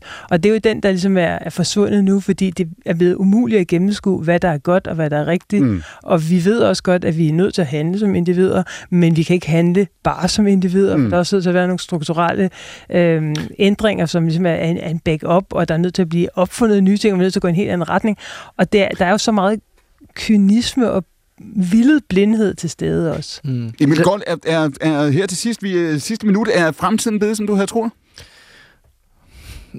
Nej, ikke, ikke rigtigt. Altså, det, jeg vil lige bare tilføje, at det er, jo, det er jo det, der er frustrerende, det er at se, at hvis man snakker om den strukturelle instans, der er nogen, der har magten til at ændre på vores tilværelse markant, Mm. og vi Mm. accepterer præmissen, hvis det handler om, at huset brænder. Ikke? Og at i det her tilfælde med corona, jamen, vi, vi, vi agerer efter det. Vi mm. tager de her masker på. Vi går ingen vegne. Øhm, Men det kræver jo, at politikerne har mod til at præcis. sætte sig igennem og sige, nu gør vi sådan her, venner. Mm. Og det kan godt være, det er en upopulær beslutning, men det er det, vi gør. Mm. Præcis, og det er, det, man, øh, det, det er jo det, man bare venter på. Ja. Og så, som vi snakkede om allerførst i det her program med penge er Gud. Det er det jo. Penge er jo Gud, og hvis ikke der er penge i det, og hvis det truer folks indtægt, altså ikke øh, den afrikanske fisker i Senegal, men på et større plan, jamen så, så, bliver, det, så bliver det en dumpet på forhånd. Fordi det er jo, det er jo systemet.